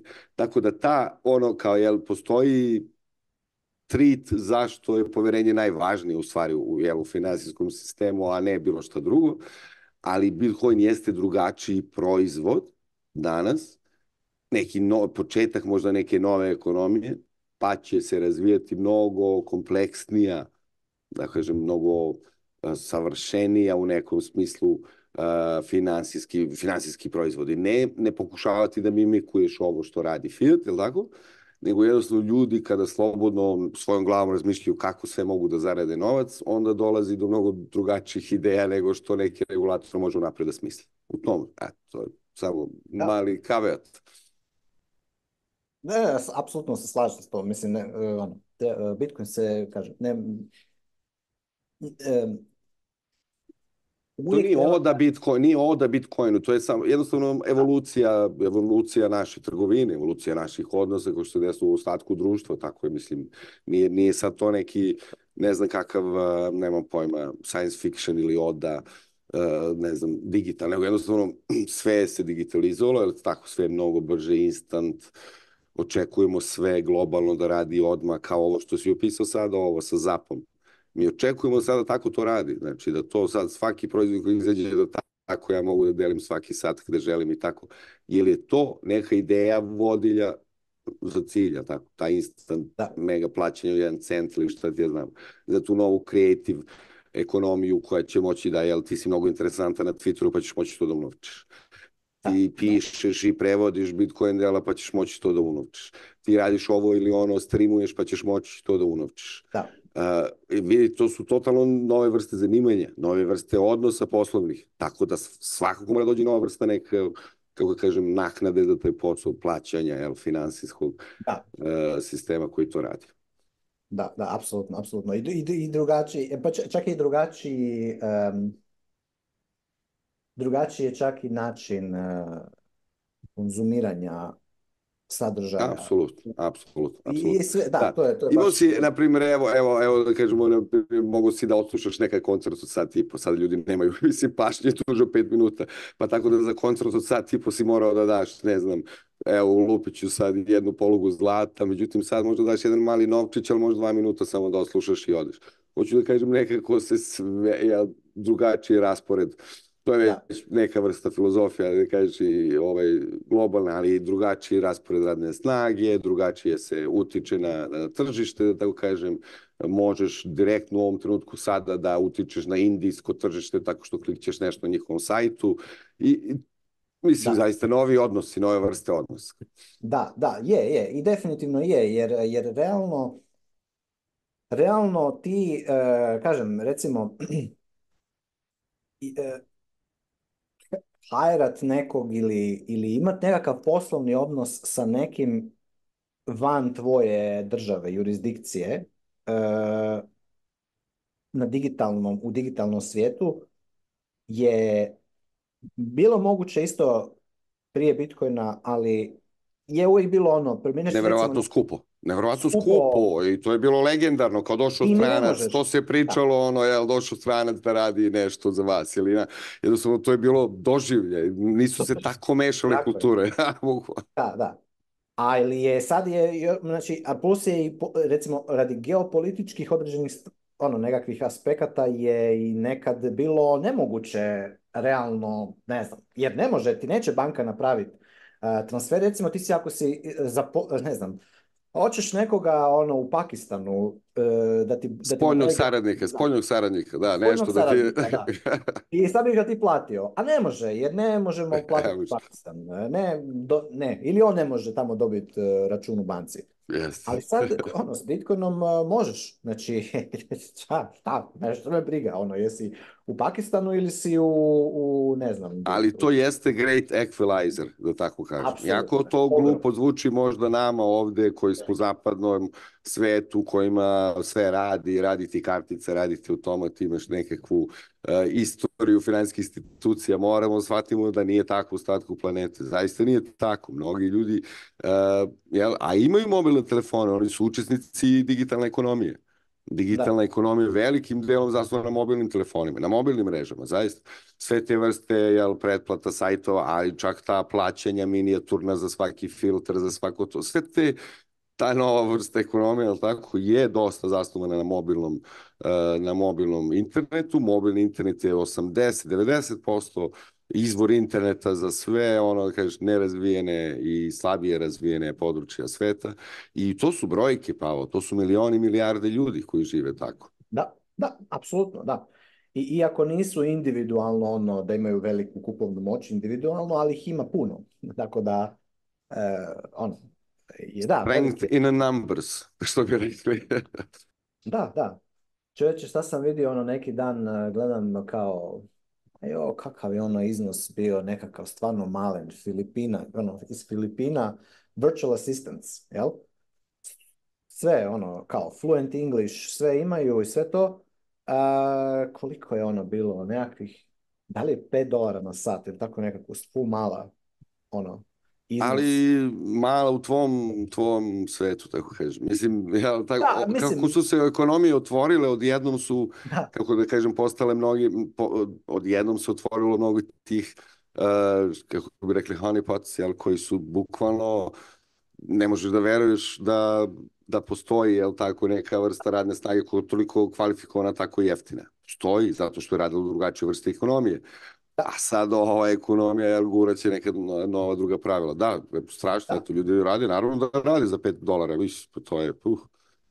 Da, i to je iznimno pozitivno, jer pogotovo, jer, jer onda još ako su na razini da rade za 5 dolara, ali da su ono na Bitcoin standardu i da stekaju Bitcoin, Mislim, to što oni rade sada za 5 dolara za 5-10 godina, ono što su uštedili će biti možda i više nego ono što, što ovi tamo, ne znam, u Silicon Valley ono, koji naplaćuju 50 dolara možda za istu, za, a za istu razinu nekakvog ono, a još da kažemo, kad smo pričali o tome da li isto kupiti ETF ili, ili kupiti Bitcoin ili ovo, pa recimo ono što mi što sad isto je priča, da li isto kupiti onda akcije E, ovaj, ili, ili kupiti Bitcoin, li kupiti akcije mikro ovog uh,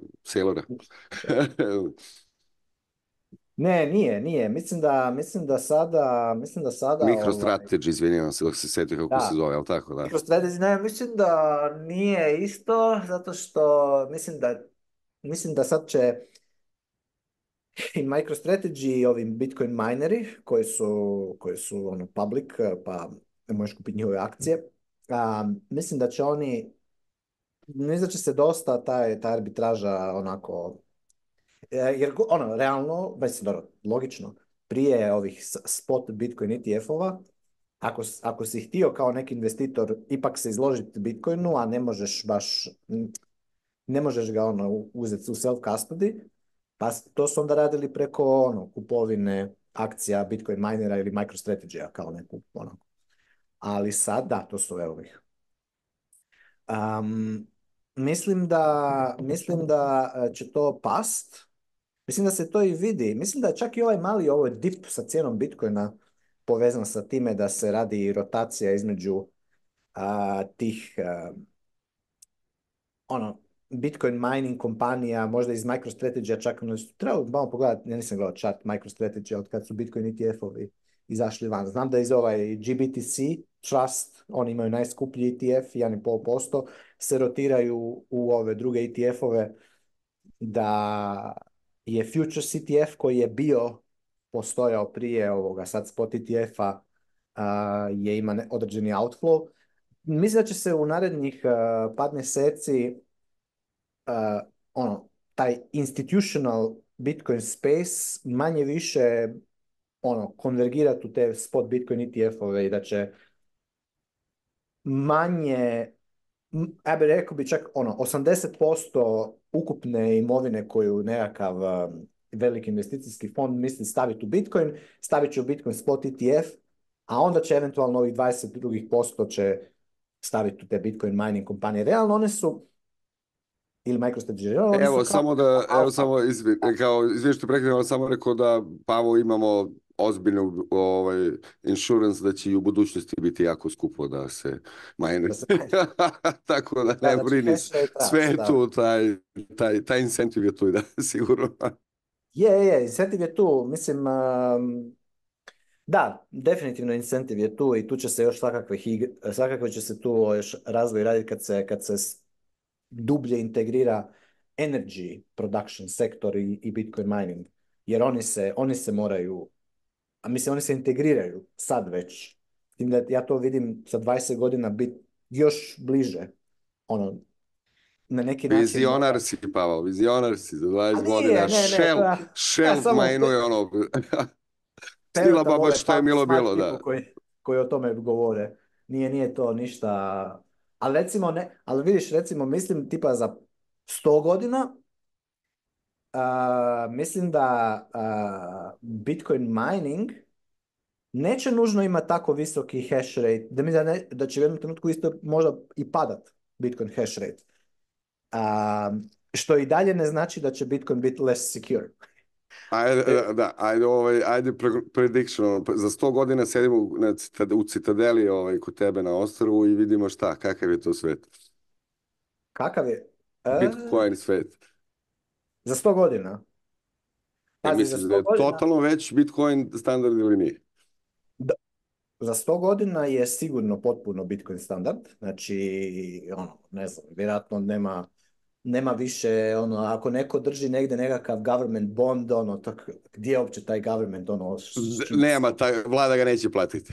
neće ga platiti, a i koja je ta vlada uopće? Ko uopće može, ko uopće može ono, egzistirat e, direktnim, ono, teksanjem Bitcoina. Ne? Ja to ne, ne mogu, ne mogu zamisliti uh, uopće za 100 godina. Ali recimo mogu zamisliti tipa da, da ćeš imat uh, vjerojatno 100, 100 puta veću i, i vi što sam ono konzervativno rekao, 100 puta veću per capita uh, energy consumption Uh, worldwide za 100 godina. Mislim da će ljudi... Jao, šta si sad rekao? Sada te čuju, ljudi, a to, odmah to, to, je, to je predivno. Pazi da ti neko ne kuca već na vrata. Pazi, Čim budemo emitovali ovo... I to, i to uh, conservative estimate, ali rekao bi možda i, možda i puno više. Možda sam se... Pazi, 100 godina je puno. to je puno vremena. U ovako brzom razvoju uh, tehnologije i, i svega toga. To Biće je... nam ekološka policija za vratimo pa čim ne, ne, ne, ovo, ovog podcasta. Mislim da ćemo imati uh, situaciju gdje će, gdje će to biti tako lijepo, recimo svi ovi bullshiti oko ovo kao razdvajanje otpada i ne znam recikliranje, to će, to će tako biti divno. Znači ono imat ćeš uh, vjerojatno ono ispod svake kuće ono mali ono trash incinerator koji je ono će, na kojega će biti nakačeno ono par bitcoin minera i ono nekakvi mini, mini nuklear reaktori ono za svaki neighborhood ono koji će e, powerat. Mislim, kažem, sto puta, pazi, samo zamisli sto puta veću uh, consumption energija per capita worldwide. Uh, pa Od reda zamislim, hoćeš odmah infarkt da dobije ovi, ovaj, ovi šta, si, si normalan? Znači, A gledaj, već... ti što će dobiti infarkt. mislim, da, mislim da će se, ne znam, šta, ne znam šta bi rekao za njih, mislim da oni, ma ne znam, zapravo oni moraju na neki način možda proći kroz taj Dark Knight. Ali, ili, ili možda, možda da se odvoji neku parče planete pa da se tu nastavi da se živi ono nešto, da se vraća civilizaciju nazad, na primjer, da se živi ono prema, prema kamenom dobu da se ide. Ako, šta nije da oni sami to zapravo žele. Znači, ovi svi ovi gretini uh, warriori koji bi htjeli bez uh, hidrokarbonsa i to sve skupa, šta nije da oni zapravo u suštini bi htjeli ići natrag u prirodu. Ali realno, u bilo ko, ko, kojim brani da odu u gušu? U kojoj prirodi ima jet, molim te, koji mogu da dođu do Davosa? ne, jet, mislim, ajde, oni si jet. Ma, makar mobitel da se, pusti mobitel, pusti, pusti odi u šumu živi, šta? ne moraš ništa, tamo, tamo ćeš biti bit skroz, skroz u ono nekakvom, ono, ajmo reći, harmoniji sa prirodom, kovi, bonobo, uh, monkeys. Znači, Hermeti, hermeti, nemoj odmah sa, sa majmunima upoređuješ ljude. Na primjer, hermit, znaš ono. Da, znači ono, odi, mislim, e, ja ne vidim iskreno stvarno u čemu je problem. Znači oni kažu e, da će svijet ono eksplodirati, pregoriti i tako dalje, pa i ono, make change, pa, evo, be the change. Kako ne? Kako ono kažu? Be the change to you je Gandhi, da, ja mislim, ja? be the e, change Gandhi. you wanna see. Ne? Daj, be the change, znači, evo, uzmi, pusti nas na miru, nemoj mi se tu ovaj, ležat na cesti uh, i protestirat kad nećeš niko, ne, ono, odi, uzmi, uzmi, jednostavno kreni, uzmi jednu malu vrećicu, platnenu. Ali to je uvijek ima taj argument, to ništa ne bi uspjelo ako ne uradimo svi. E pa to je onda ne, jako loše, to je onda neka da, pa kolektivizma koji niko ne želi. Mislim, ne može da, Kako ćemo svi? Ja moramo, imam rješenje, moramo ali moramo svi da uradimo. Pa mislim, to je... Yes, moramo svi, ali ti budi taj lider koji, koji povedi nas. Evo, ja da vidim sada njih, da vidim sada stotine i tisuće ovaj, tih, e, kako se to kaže, eko warriora, kako idu ovaj, živjeti u šumu, ko zna možda bi ja isto krenuo. Ne, ne, da se razumemo, ok, da se razumemo, e, jako je lepa priroda, treba brinuti o svojoj zemlji i to sve, to nema veze s ovim, govorimo, daš, o ovim ljudima koji govore da treba da se manje troši energije da bi uopšte mogli da preživimo na planeti. E, pa to je pa pa zaista kontralogički, da, da, ne, ne, ne govorim sad kao neko ono, ko pa. voli prirodu, nego naravno priroda je divna stvar, nego treba trošiti manje energije, pa evo, odi, troši manje energije, odi živjeti u šumu. Footprint ti je nula. Kad živiš u kolibi, u šumi, vjerovatno footprint nula. Da, apsolutno. Apsolutno, footprint je samo tvoja tjelesna temperatura, ono, ako ćeš sve sam. Ali by the way, budi dosljedan, nemoj ono, odi sam, goli bos šumu, onda si najviše si dosljedan. Onda nemaš nekak... Onda kad dođeš u šumu, goli bos, bez ikakvih, nikakav, nemoj niti nož uzeti sa sobom, jer nož isto treba proizvesti. Pa šta ti misliš da je nož proizvest eh, da možeš ti sam proizvesti, no ne možeš i to je isto dio ono, supply chaina. Koliko energije treba da se čeliku sija? Koliko? Re, da bi se malo ono... Takav nož, realno, kad ja vidim svu tu ekipu koja jak, jak, jak, jaka o energetskoj potrošnji, kako treba smanjiti energetsku potrošnju, jak, jak, jak, jak, jak, trende, boss šuma, e, vidim li ja vas da ste vi ono en mas išli goli i bosi u šumu živit kako bi spasili planetu, a onda ću vam vjerovati, onda, onda, ste mi, onda mi ono pravi dosljedni, ono, možda, možda ću se ja konvertirati u tu, u tu religiju. Za sada mislim da je ta, religija bullshit, dok god vidim bilo koga kako mi na internetu priča o tome kako treba smanjiti energetsku potrošnju, frende moj, ono, šta si ti na internetu? Imaš laptop, imaš mobitel, imaš što? Šti lud? Znači, koliko treba energije za proizvesti jedan laptop? Hoćemo, dajde, rastavi komponente jednog laptopa koji im je supply chain, šta se, koji su sve metali i rare earth minerals, bla bla bla, gdje se majna, ne majna, di ti litijonska čelija u laptopu? Panjino jedna, ono. Kako se majna? Mislim, ono, da ne, da ne idemo dalje, ono, mislim, to je takav... Smješan je to jedan, ono, world view koji je po meni...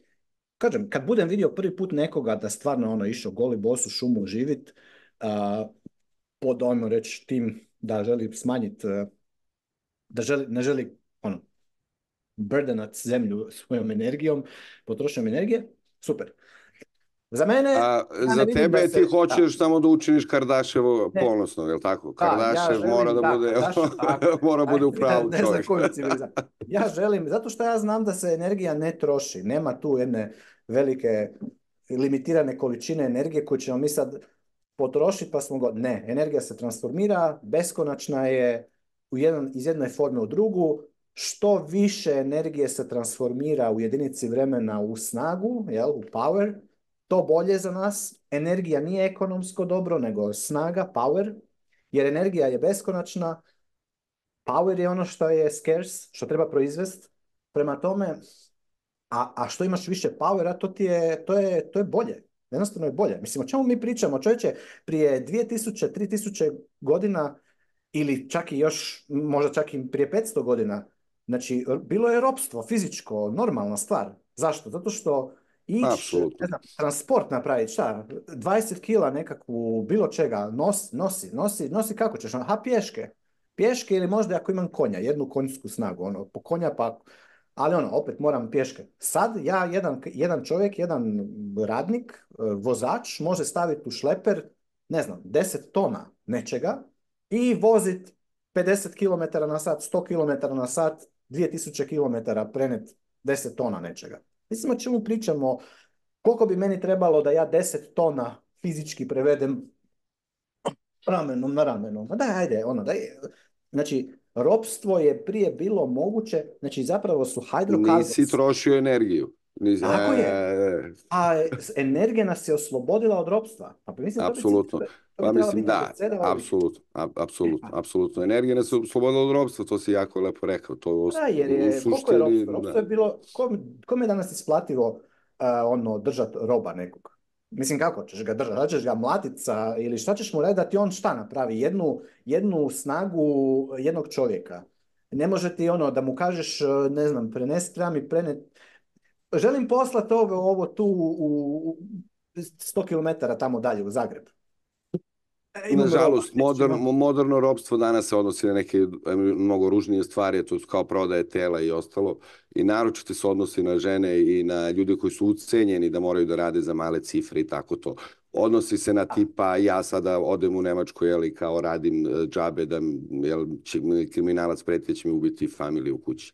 U tom smislu današnje robstvo jako ružna jedna stvar koja ne veze s ovim što ti pričaš kao naravno o finansijski, ono, o, snazi, jel tako, robovskoj snazi tipa na, jugu na jugu Amerike koja je dovela do bogatstva Amerike, da budemo iskreni. Tada tada je ta snaga jel, poprilično doprinila bogatstvu Amerike današnje i, i to je prirodnoj akumulaciji. Današnje ropstvo je nešto drugo, ali apsolutno si u pravu, energija nas oslobodila, energija nam je dala slobodu, mislim, i to je da. prvo stvar koju učimo iz fizike, ovo što si napomenuo ti, kogod u školu, prva stvar, profesor fizike kaže, tako, energija ne može se uništiti. Tako I, je. Znači, fige za više energije, ovaj, više, više powera, više power production. Kardashev je bio u pravu, idemo od jedinice na dvojku, trojku, pa idemo dalje. Daj Bože, daj Bože, sad vidit ćemo kako će se, ali ja, imam... To se ne može zaustaviti, pa ja ne mislim da to može uopšte ikada. Mislim, to je nezaustavljiv proces, rekao bih, ali Optimističan sam po tom pitanju s tim ovim... neki, da, kataklizmični scenarij mi zaista uopšte mi ne, nekako ni, ne pada na pamet. Naravno, daleko bilo uvijek može se desiti neki jel, kosmički event koji će nas obriše, ali ovako što tiče ovoga, to zaista ne verujem da, je baš toliko, toliko problematično, iskreno. Ali fear porn je postao jak, mislim, stvarno je, stvarno je tako što da Da, istina. A i ne znam zašto je to. Mislim to... A zato što a ah, ne znam, mislim, to je... Mislim, ima ta jedna teorija, mislim, koja pa pomalo to kao nekako pokušava da objasni, ne neutralno, da nije levo-desna, a to je ta je neka, jel, kao borba za te nove buduće tehnologije koje će kao da budu jel, totalno drugačije od ovih sadašnjih, pa eto kao gde će to nastati, kako će to nastati i mislim malo više kao neka, kako da kažem, geopolitička igranka E, pa je u to uključen strah, naravno kao uvek dobar, dobar saveznih onih koji bi želeli da fokus javnosti malo izmeste, evo da tako kažem. Ovo sam sve rekao najblaže što mogu, ali to je to. Daj, kad se sad, evo, sad si me podsjetio kad se na toj uh, e, Fear stoji to jučer, e, ne znam jesi to, dobro, ti si sad, ti si više u ovim zapadnim zemljama češće, pa ćeš ovaj, možda se to kod vas negde tamo se već dogodilo. Jučer je bilo tu u Hrvatskoj, jučer popodne, ne znam koliko je bilo, možda je dva popodne, na jednom meni ti mobitel počne alarm nekakav, ali ne ovaj alarm onaj običan, nego onaj Znaš ono, ko kad je bilo vada ono u Jugi. Nešto se desi što je. gledam, šta je sad ovo? Neko upozorenje, ovo ono, državna ova služba za... E, vre, Pušiš SMS neke. Da, gasim ja to, ono, znaš kakav ono, onaj zvuk, ono, doslovno te ono, ja to gledam, ma gledam, ma što stvarno ste, i gledam, vidim stvarno u iPhoneu, kako sam ja, ono, Steve Jobs fanboy, pa volim imati e, imat iPhone, na zadnjem, na zadnjem ovom e, updateu, po defaultu se uključilo svi ti kao alarms razno raznih tih governmental uh, types uh, alarms. Push services, da? Push services, gasim ja to sve blokiram to i mislim se ono, ide malo pogledat, da, naravno to je već kroz zadnju godinu ono testirane, već svugdje onako to kako se to, mislim, dobro, ti imaš taj odnos, ali šta tvoj, tvoj roditelj ili neko koji je stari generacija da. koja priklada veru, mislim, jer zaista ali, vidiš, nešto sam, mislim, dobro, oni su... mene to toliko, iz, toliko me iritira, mislim, ti znaš već da mene iritira pojam države, kao takav, dobro, to je sad druga priča da ne ulazimo, ali baš sam to jučer komentirao kako e, moja, a i mislim da je u mojoj generaciji tolerancija na to je jako, jako niska. Znači, mene je to toliko izživciralo to jučer. Znači, toliko me izživciralo. Znači, toliko je to intrusiv. Ma šta me, ma šta me ti? E, tamo je nekakvo, ne znam, vremenska, ono, i to ti još dalje po na tom valu tog, tog te histerije oko tog crveno ono upozorenje, ono temperatura, ne znam ka. Znači ono, šta ti meni mora šalam, šta me, pusti me na mi, nemoj, daj se, uhvati se nekakvog produktivnog posla, ono, pusti, nemoj mi radit, nemoj mi paranoju e, stvarat. Ali šta sam htio reći, u kontekstu danas, danas ja mislim da je, barem mojoj generaciji, većini nemaju oni tolerancije živaca na to. Možda recimo prije 50 godina kad je bio ono hladni rat i šta ti ja znam, pa je bilo ja to nisam doživio, ali sam čuo ili više, 60-70 godina, da je ono znalo biti, ne znam, idemo ono, vježba za nuklearno, ono, naš, idemo... Nažalost, postojala je ta konstantna pretnja, ne, e, uništenja nekog strašnog. Znači, ono, ljude se držalo, ja mislim da se ljude držalo u većem strahu nego danas. Jer e, danas je to nekako, ako ti želiš, ono, kupat se u tom fear pornu, imaš ga koliko god hoćeš, možeš, brate, mili, ono, i si cijeli dan lijepo od jutra do večer Samo hronika, samo ružne Samo moderi, ono, di je koja eksplozija, di je koje, ono, dijete umrlo i nemam pojma šta. Mislim, ok, dobro, ali... E, Jednostavno, znamo mnogo više takvih stvari sada. Znamo ih. Da, znači, ono, možeš živjeti u per perpetual, ono, darkness i hell. Ok, do. Prije, ja mislim da je bilo teže se, ajmo reći, odvojiti od toga, više je, više je taj government imao veći, jednostavno je više mogao to a, forsirati, nabiti ljudima u hoćeš, nećeš, kad ti ono, ko krenu te, sirene i nemam pojma šta, hajde, i kanali su bili samo zvanični, doduše. Nismo, imali samo ono kontrol... Kanal, tako, je. sada imamo i dosta nezvaničnih kanala, jednostavno i to... Kao gledao, sam čovječe ovo neki dan isto ovaj dokumentarac neki novi u ovaj, Sjevernoj Koreji. Nema tamo ono cijelo vrijeme, svaka kuća, ono televizija mora 24 ova njihova ono propaganda 24/7. Znači ono ma mislim da ne ulazim sada isto i u odnose značke s onim Kim Il-sungom, ono svi, kao, to, to ti je ono. Anyway, um, danas mislim da je tolerancija za to puno manje i mislim da će još, još će padat kako bude se ovaj taj Fiat standard polagano ono, dis, disassemblao i, i kako se bude Bitcoin više i više monetizirao jer meni je lako ugasiti te glupe notificatione i ono nema tih. Međutim, sljedeći put kad to naprave, a ja sam negdje vani, ono, di su ljudi u nekom kafiću i tako, možda nekome, ano, neće svi, nažalost. Ja se nadam da su većina ugasili to. Ali nekome će ostati upaljeno i onda ono, u a ono, mobiteli, ono, krenu alarm, jer je sad ne znam koja je sad, ono, kriza. Treba se pripremiti isto i na to da se to da to treba ono pretrpiti u narednih x godina koliko treba dok se, dok se ta tranzicija obavi. Ali evo, to sam ti samo htio ono spomenut, mislim, kako ovaj, ne znam, mislim, ne znam šta bi rekao na to sve skupa, osim da... Da je, mislim, ta, ja ta vrsta uzbunjivanja i inače ta vrsta, ovaj, kako da kažem, intruzije, zato što smo i dozvolili da nam digitalni uređaj zaista budu najbliži uređaj.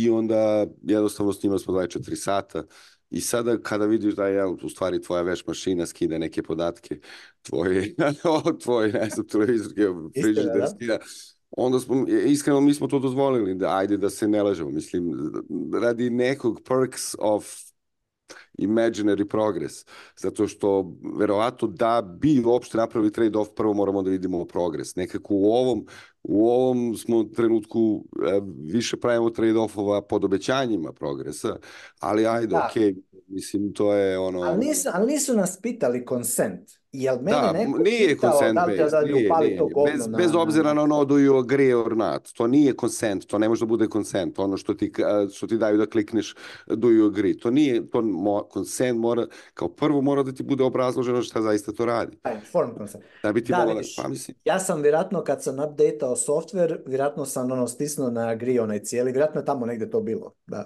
da će se upali po defaultu ti E, on, jer e, koliko sam ja shvatio prije je to isto bilo moguće, ali si ti to morao sam upaliti te, te, te pa apsolutno, tako je. Tako sad ja vidim ono, normalno da neću ti sad luda idem sad palici, ono, e, njihove, ono, e, vidim. Ali opet tu, evo zašto se to desilo, evo ja ću ti reći, pošto znam baš i sa ajde. back strane, u stvari šta se tu desilo. Ajde, Prvi uređaj, kao što znaš, sam znaš, mislim, e, su naravno bili svi otvoreni. Prvi te neke vrste uređaje. Bilo je opt-in varijanta više nego opt-out, naravno. e sad, šta se dešavalo u kompaniji, ostali nisu E, kako kažem, vode računa ipak o, to, o toj cyber security, o bezbednosti na internetu. Pa te si imao one masovne hakove, na primjer, znaš i sam gde je ono 14 miliona CCTV kamera koji imaju isti password, širom sveta. Mislim, i, i lik pa uđu. u Mislim, hoću da kažem, bilo je e, onda industrija tu sredinom 2010-ih, znači 16-17 već počelo i kroz standardizaciju sada je taj neki fazon, to je opravdano tim security by design. Znači, opravdano je time da kao je sve popaljeno da bi ti bio safe, pa onda ti kao ako znaš da handluješ taj taj security aspekt, onda ti naravno možeš to da pogasiš, ugasiš i tako do. Opet je, znači, kontraindustrijom. Znači, industrija jeste morala da uradi nešto povodno pitanje bezbednosti tih uređaja, ali ne na ovaj način. Stvarno ne na ovaj, ili bar inform, uh, nekako, uh, kako da kažem, obavestiti ljudi šta se tu, šta se dešava. Jo, daj kako ti komentiraš, šta ti misliš o tim, vidio sam da si napisao tamo u kanalu ovo neki, e, kad si išao sa biciklom pa ti je došla neka... A dobro, ono pa da, to su, mislim, CCTV, CCTV je zaista... Pa, CCTV. Jel idemo mi u to je u Britaniji. Pa u Britaniji pa je Pa ne znam, evo možete odete u kinu pa i vidite. Ne znam, mnogi ljudi su odiševljavaju kino. Znači, kad odu u kino kažu, ja, pa oni su 20 godina ispred svih stoga, to je kosmos, to je ovo, to je ono.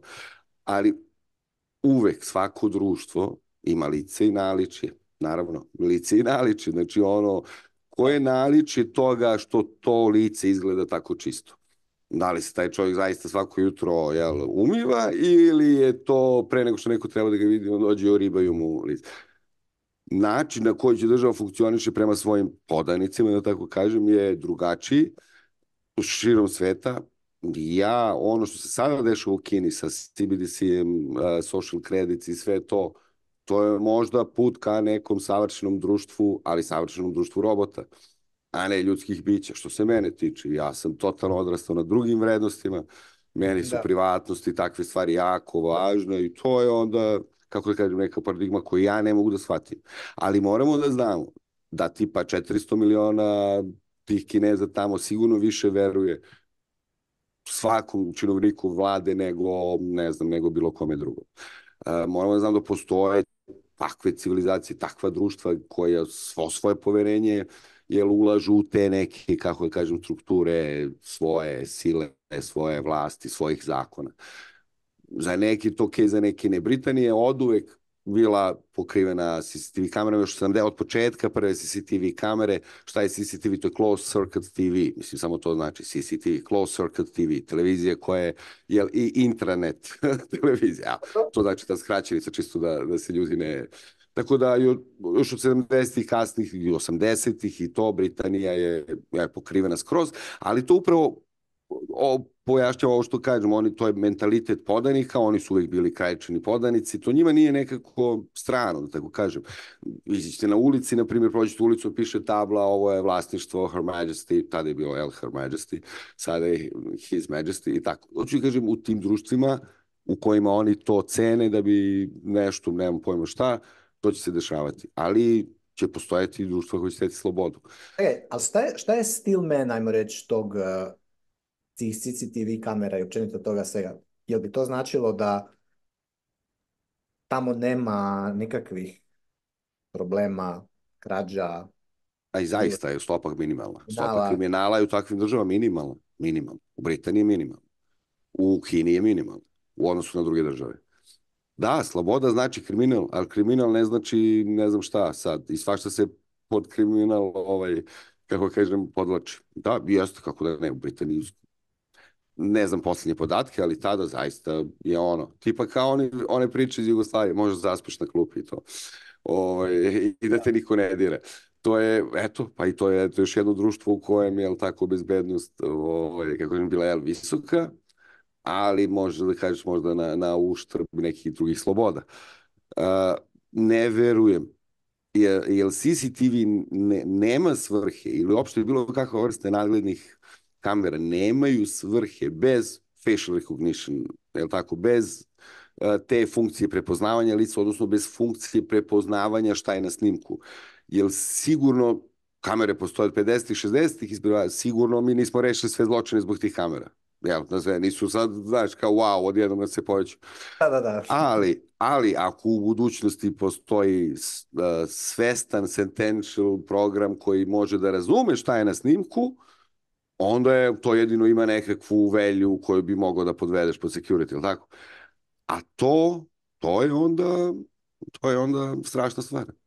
Da budemo i znači, pa ok, razumije šta je na snimku, snimio je, vidio je, tamo negde je neko... I šta radi na kraju? Da li alarmira policajca da ovi proveri to ili sam izda i piše kaznu Pavlu? Sam izdaje i sam, sam ti skine sa, računa. CBD. E, Jer bi živio bi živeo u toj državi?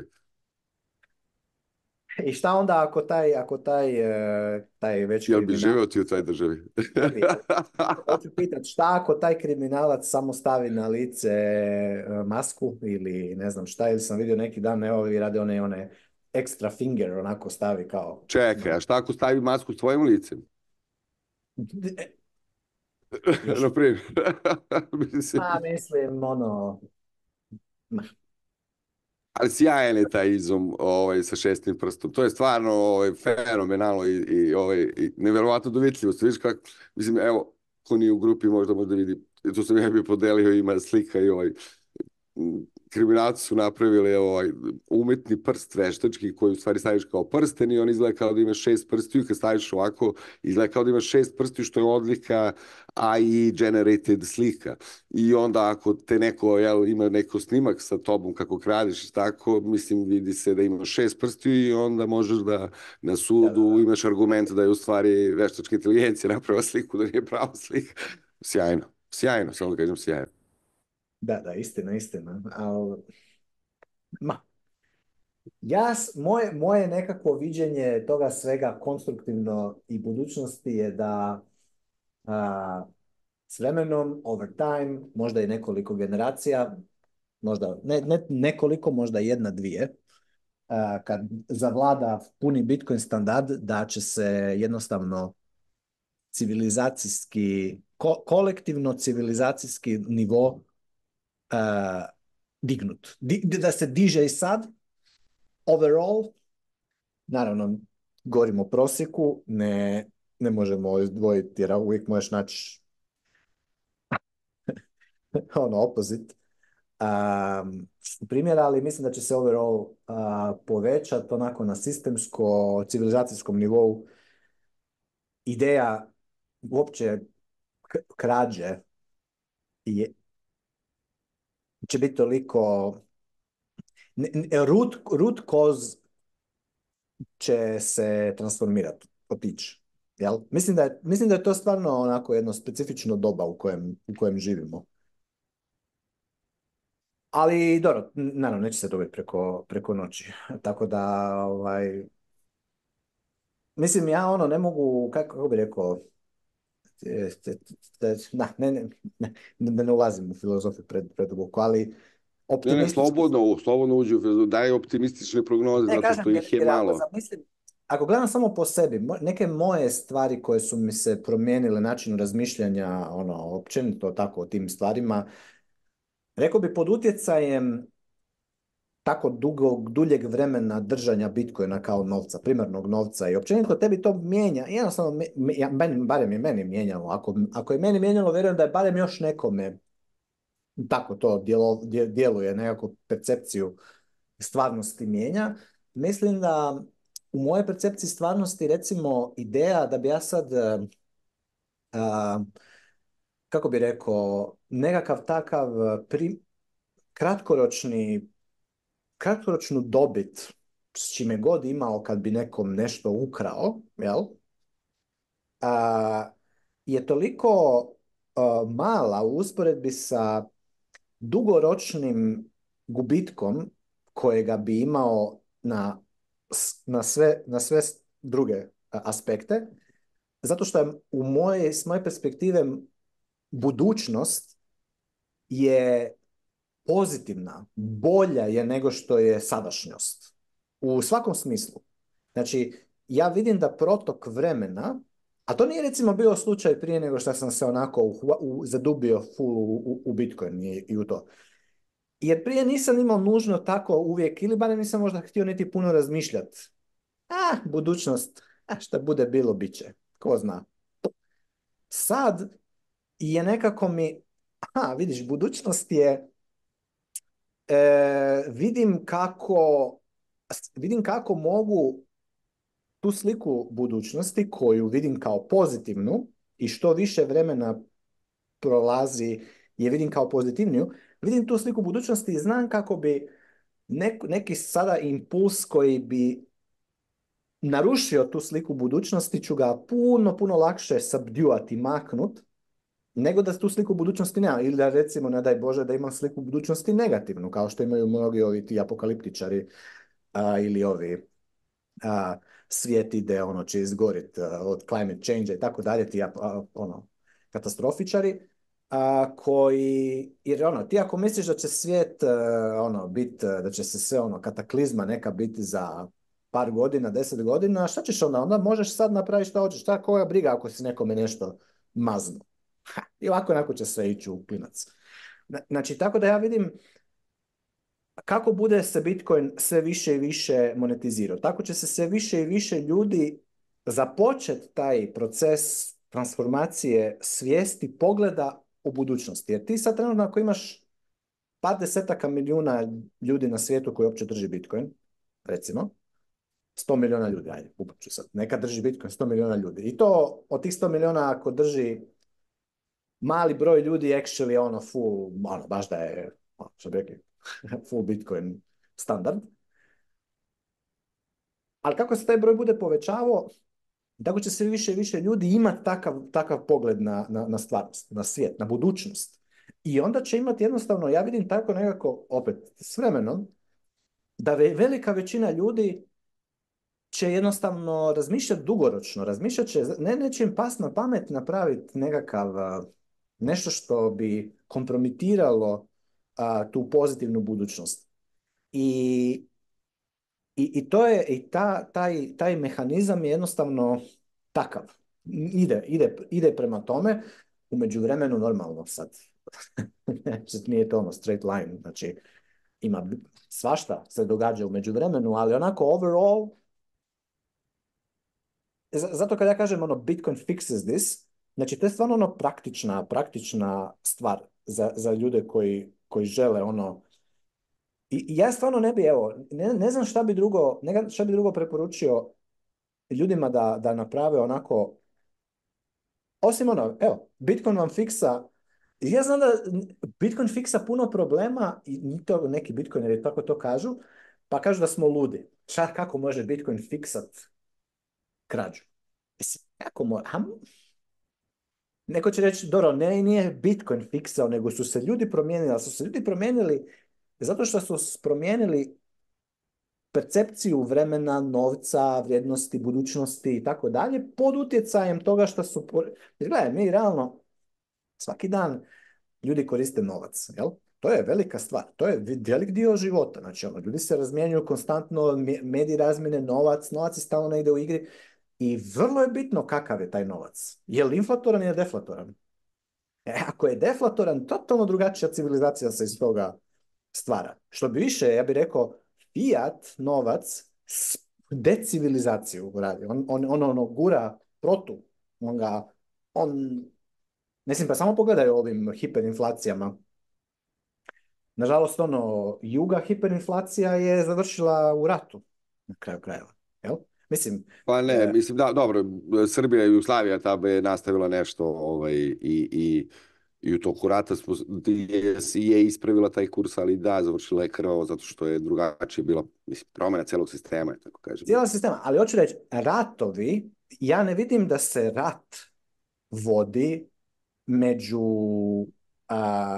ljudima koji žive u prosperitetu.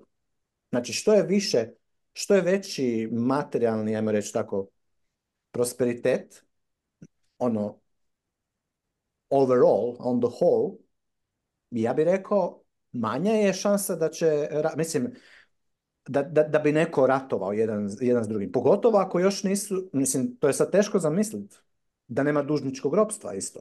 Znači, ok, razumijem sada da ti možeš reći, vidiš, da, ovi izgleda kao da su bogati, ali u biti su zaduženi, ono, nije to, nije to njihov network, to je ono, mislim, ne vozi on to zato što to je njegov, to je, on to vozi, ali u biti ima ogroman dug s tim. Znači, ali da, da, da, ono da nema dužničkog ropstva i da je visoki rastući prosperitet s ljudima onako na individualnoj razini koji su u velikoj većini pozitivno gledaju na budućnost, kako ratovi uopće mogu, oko čega, zašto? Di je clash?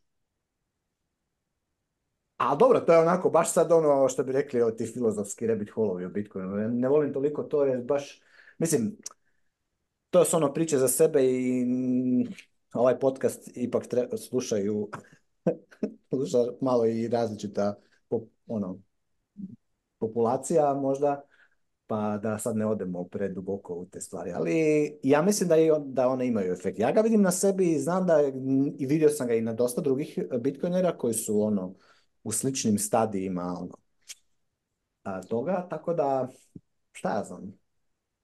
Ali vidit ćemo koliko će trebati vremena za to da, se, da, da bude ono worldwide. Možda da će biti u mom životnom vijeku, ko zna, možda će biti, jer opet se, nekako mi se čini da se i vrijeme, ko da se akcelerira. se, možda je to moja percepcija, ali mislim da sve te nekakve promjene da se ubrzavaju. Možda. Ne znam.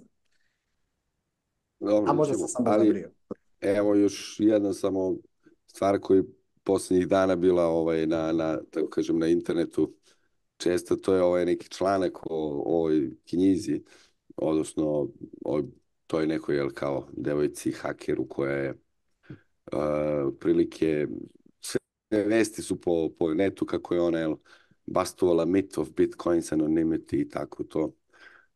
tako što je pratila neke svoje transakcije i tako. Eh, evo samo da kažemo da Bitcoin je pseudo-anonimna, nije anonimna kriptovaluta, nego pseudo-anonimna kriptovaluta i naravno zato što je totalno open source, može se pratiti svugde. To je još jedan onako jel, novinarski clickbait, da li je to više, kako da kažem, pa sam teo tvoje mišljenje, kao da li je to više eh, shift u, Bitcoin eh, paradigmi, jel, medijskoj, gde sad kao jel, govori se once drug dealers and money launderers saw cryptocurrency as untraceable but it's not anymore. Da li je to nekako kao jel, pranje ovaj, kako kažem, bitcoina od te vrste medijske eh, da je to kao jel, novac za narkodilere ili šta već? Može biti, može biti. Mislim, taj jer sad odjednom navala tih nekih čas, tekstova i nas kao, kao u, to, on, to nije kao i, znaš, anonimno, to da se trejsuje, to je kao, sad, da, jeste, može se trejsuje, mislim, ja, blockchain je otvoren svako. I postoje kompanije koje to rade. Ne, ne, ne, mislim da je to, moguće da je to ovaj dio, zato što se sad, ajmo reći, Bitcoin, percepcija Bitcoina se ono umila, ne, e, ovi BlackRock i ova ekipa će si to je mi ono dio marketing departmenta sad. Znači, ti treba marketat Bitcoin realno sad za ove investitore. Neće oni baš sad sami od sebe ono, baš sad odmah. Ok, imaš tamo, ali treba, daj mi reci šta, šta ovi tamo, je to tamo neki drug dileri koriste. E, mislim da će se to sada ono umivat. Ali mislim, dobro, mi bitcoineri smo znali da je bitcoin, e, mislim da postoje tehnike kako možeš ono tresati, naći nekog uh, ultimativno Tracers in the Dark, Da, interesantno.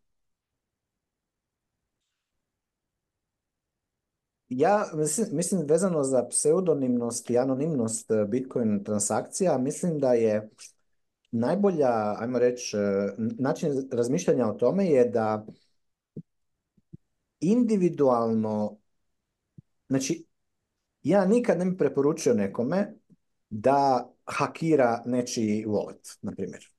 Jer, dobro, ne bih mu preporučio da generalno kradu. Nadam se nemoj to da govoriš javno. Mislim, normalno. nije dobro, nije dobro krast.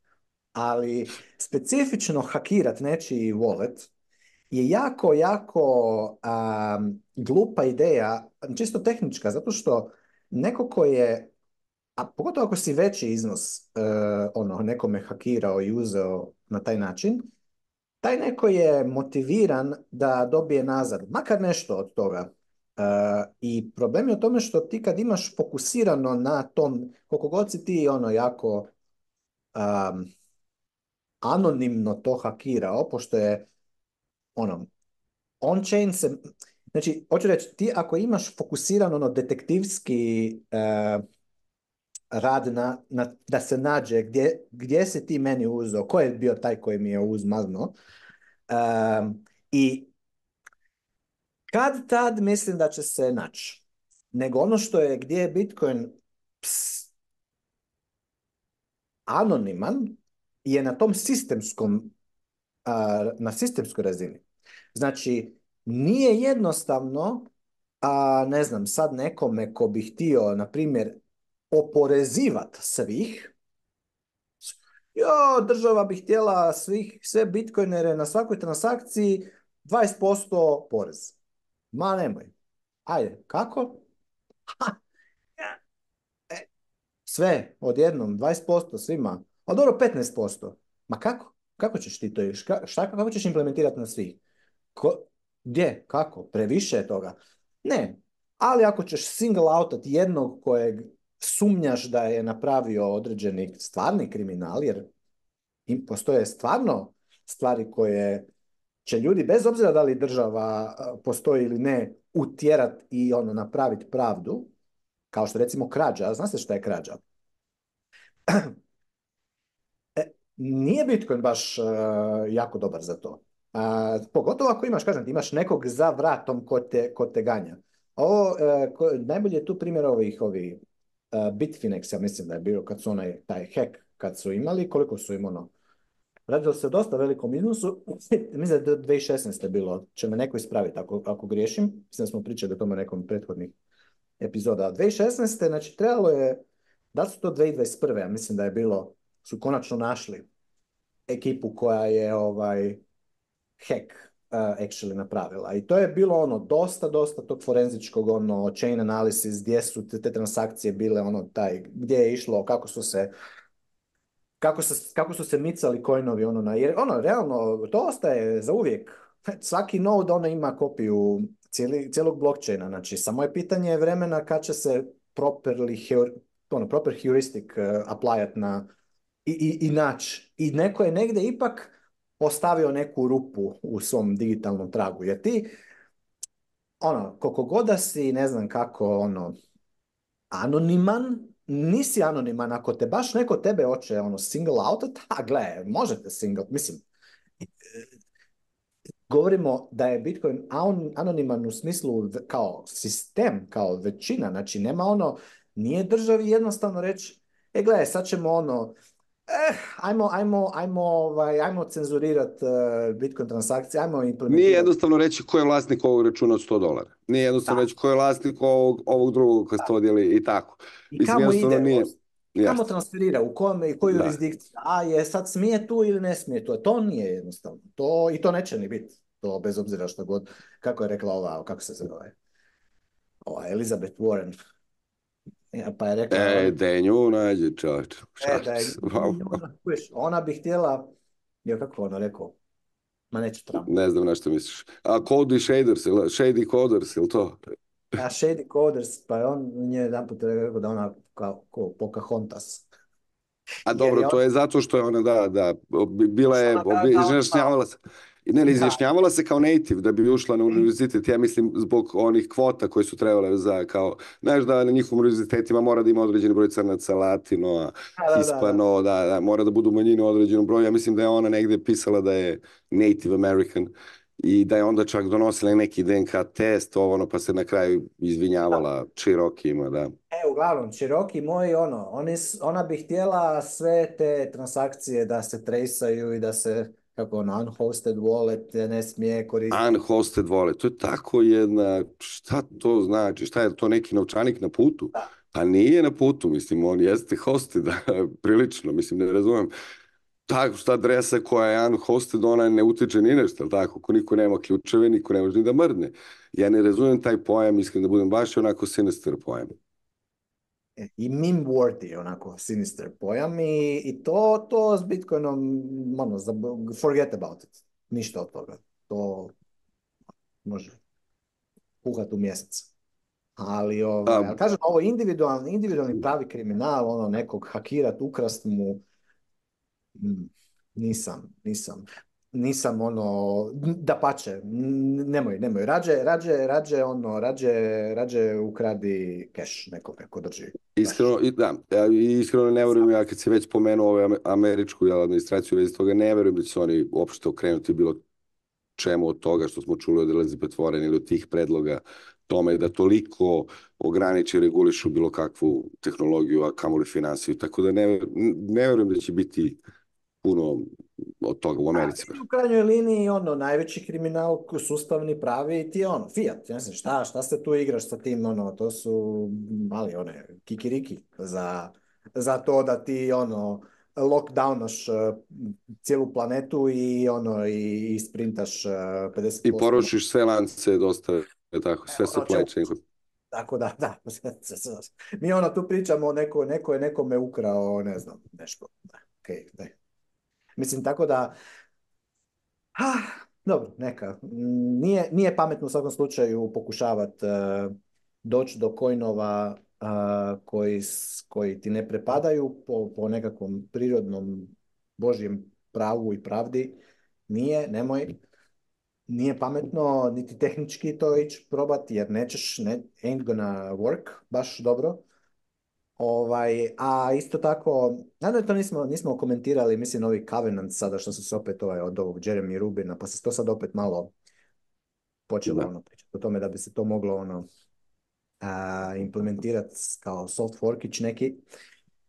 I hoću reći da će se i taj, i sa, sa, sa, strane razvoja Bitcoin e, protokola isto ojačat, isto kapacitet za zaštitu, odajmo reći toga. To ono, op-vault pričat, možda bi trebali jednu epizodu jedan samo malo. Opi Vault, da, da, ok, mo, Opi Vault, jel, i ovaj, Ako neko u grupi isto želi dođe s nama o tome, evo, poziv. Da, bilo bi dobro da o tome pričamo, jer to je jako interesantna stvar, ono, da staviš određeni condition, ono, uvjet kako se neka transakcija može napraviti, tipa, ok, sa ov, znači, ova transakcija sa ovog UTXO-a se može e, reversat u roku, ne znam, ću sada, mjesec dana nakon što se, nakon što se napravi. Znači, a kad prođe mjesec dana više se ne može reversati. Šta bi značilo da, na primjer, ako tebi neko, ne znam, stila eh, private key i pošalje Bitcoina na drugu adresu, ti možeš tu transakciju poništit dok istekne rok od, prije nego istekne rok od mjesec dana. Na primjer, s čime spriječiš... Vrsta smart kontrakta. Smart kontrakta, da. Znači, ono, conditional, uh, ono, kao, payment. Da sad ne ulazim u detalje, interesantno je dosta, dobro je za, ono, ojača, ojačalo bi e, taj uh, custody uh, good practices, jeli, i još, jednu, još jedan, već je sada jako teško nekome uzeti Bitcoin ako ga je vrlo jednostavno osigurao, ali ovo bi još jedan dodatni ono sloj strengtheno, na tako da bi bilo još Jednom u 30 dana moraš da provjeriš da li ti je tu, da li ti je tu ili nije Bitcoin. Ako ti je tu nešto, ako ti nije tu, jednom u 30 dana možda pitaš, izvini, e, neko je odneo odavde, nisam ja. Tako i onda naravno ti to možeš podešavati kako ćeš taj rok i nećeš, šta ćeš, kako ćeš već napraviti, ali u svakom slučaju je jako, jako pametna stvar. Tako da u tom smislu da je Bitcoin anoniman, ovo ono, kriminalci se mogu... pratiti. da, mogu se pratiti. Po meni najbolji pitch, najbolji ono marketing za ove boomere koji bi htjeli kupiti Bitcoin ETF, a joj, ne znam, je, kriminalci, blablabla, je mi reći, gle, e, ako je neko napravio kriminal e, na, ovome i, transakcija na Bitcoin, ona je za uvijek tu. Samo je pitanje ono, hoćete, ono, koliko ćete uložiti novaca da, da nađete ko je to napravio. Apsolutno. E, a isto i u realnom svetu, krivac je uvijek tu, samo koliko ćeš uložiti u sredstva za istragu da bi ga našao. Mislim, to je... Ono, kako kaže ono, gold has no smell, znači ono, prije bi neko ko je mazno nekome zlato, zlatnik, ha gle, ti ono, to možeš teško ja izanonimizirati, kako ćeš ga naći? To zlato je, ko zna di je, kako je, pre, pre, pretopljeno u dva prstena i to. nema, a tu a tu je, taj zapis je uvijek ovdje, ostaje, svakim blokom se ponovno potvrdi i sad je samo, kažem, pitanje, ajmo malo taj trace, digitalno, digitalni svijet nekako uvijek ostavlja tragove, jako, jako je teško skroz te tragove ono pobrisat, jer ih ima puno. I kažem, pogotovo ako neko full hoće naći, ako se radi o nekom velikom, velikom iznosu, i kažem, i dalje je to tu. Sad, ono, na, naći će se, može se, može se naći. Jel? I vjerojatno za ne toliko velik iznos novca i detektivskog forenzičkog rada ko što možda ljudima koji ne razumiju kako Bitcoin protokol funkcionira se možda čini. Nije to toliko teško. Da neko sad nekome ukrade, mislim evo, da nekome ukrade, da neko ukrade personal stash od Michaela Saylora ne znam koliko on ima, 10.000 bitcoina ili 14.000 bitcoina, on sam. MicroStrategy ima 170 i nešto koliko. Ali on sam ima, koliko sam shvatio, 14. Da neko njemu ukrade 14.000 bitcoina. Na, stari moj, mislim da to... Ne znam ja koliko bi to... Kako, ka, Koji će analysis ne bi to našao u 16 sekundi. Ono. Da, tako da ono, nemojmo se ono zavaravati, nije to, nije to baš samo... je pseudo-anonimna kriptovaluta, da kažem još To bi se našlo i, ono, i samo bi bilo pitanje vremena kad. Tako da, eto. Za tim pravim nekim totalno anonimnim rješenjima na internetu i dalje, ovaj, je kažem, je fama, ali oni zaista redko da postoje i podrazumevaju baš dobre, tako kažem, dobre higijenske navike korišćenja digitalnih uređaja. Da. Što često nije slučaj i što će postati sve teže i teže u budućnosti, naravno. Da, što više integrisani s tehnologijom, manje je mogućnost da se iz nje izopštimo, da ne ostavljamo taj neki, kao gledam, trag koji, bi, koji je u suštini ovaj, uvek traceable. pa kažem, kao i, u svetu, uvek ti nekako možeš doći do počinioca nečega, jednostavno koliko uložiš u istragu i koliko ti je važno. Pa tako pa da, mislim, to je, to, to je tako. Ne menja digitalni svet nešto puno u, tom smislu. Osim, da, osim ta razina koliko je šta jeftino ili skupo da pratiš. Nekad se, ja, može, u nekim društvima može se prati, jel, ako neko ukrade jabuku, pa do, da ide u zatvor zbog toga a ovo malo drugačije, pa eto. Da. Dobro, ništa, ajde ćemo pri, privest kraju ako... pa mislim da je već preko, preko smo dva sata, ne, gnjevimo ljudi, ali ajde. Htio sam još nešto možda pitamo o ceni, nešto pričamo, mislim, eto, svi su očekivali da će nešto eksplodirati, ne, znaš, kao posle ETF-a. To se nije desilo. Mislim, nije da? Čart je manje više isti, je bio neki e. pik do 47, ja? tako? Da, E, bio je da...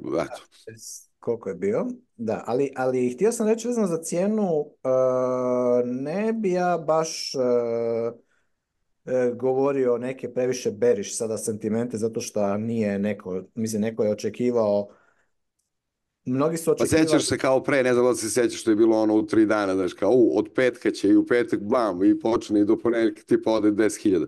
Mislim, da, da, ali... To ali, su ljudi očekivali ono. To su očekivali samo što su tu, tu smo onda puno, puno nas je ono zaboravilo da je zapravo taj, ta, ta, taj event da, su se, da će se Bitcoin ETF-ovi odobriti je već bilo sinano. kad je Larry Fink prošle godine na ljeto rekao kad se ono da, da će BlackRock fajlat za ETF, tad je počelo ono pump. Znači veliki je to, znači investitori su već ono unapred Šest ono godina se aplicira, ovo je šesta godina, poslije šest godina je sektor na ovu odluku. Ali velika da... razlika je BlackRock došao s tim. Znači to nije bilo ljudima očekivano, jer to kad je, kad je kad, znači ako oni idu, a e, onda je to, je to, ono, to fourth branch of government skoro, znači BlackRock. Tako da, to je, znači, s jedne strane, taj nekakav bull run do, do, do, ovoga, do, do ETF-a je na neki način bio price in, s druge strane, i dalje E, treba proći sada vremena da se ova situacija, gledaj, znači opet ne treba zaboraviti, 600 tisuća bitcoina je bilo u GBTC-u, odnosno još uvijek je sad to smanjilo.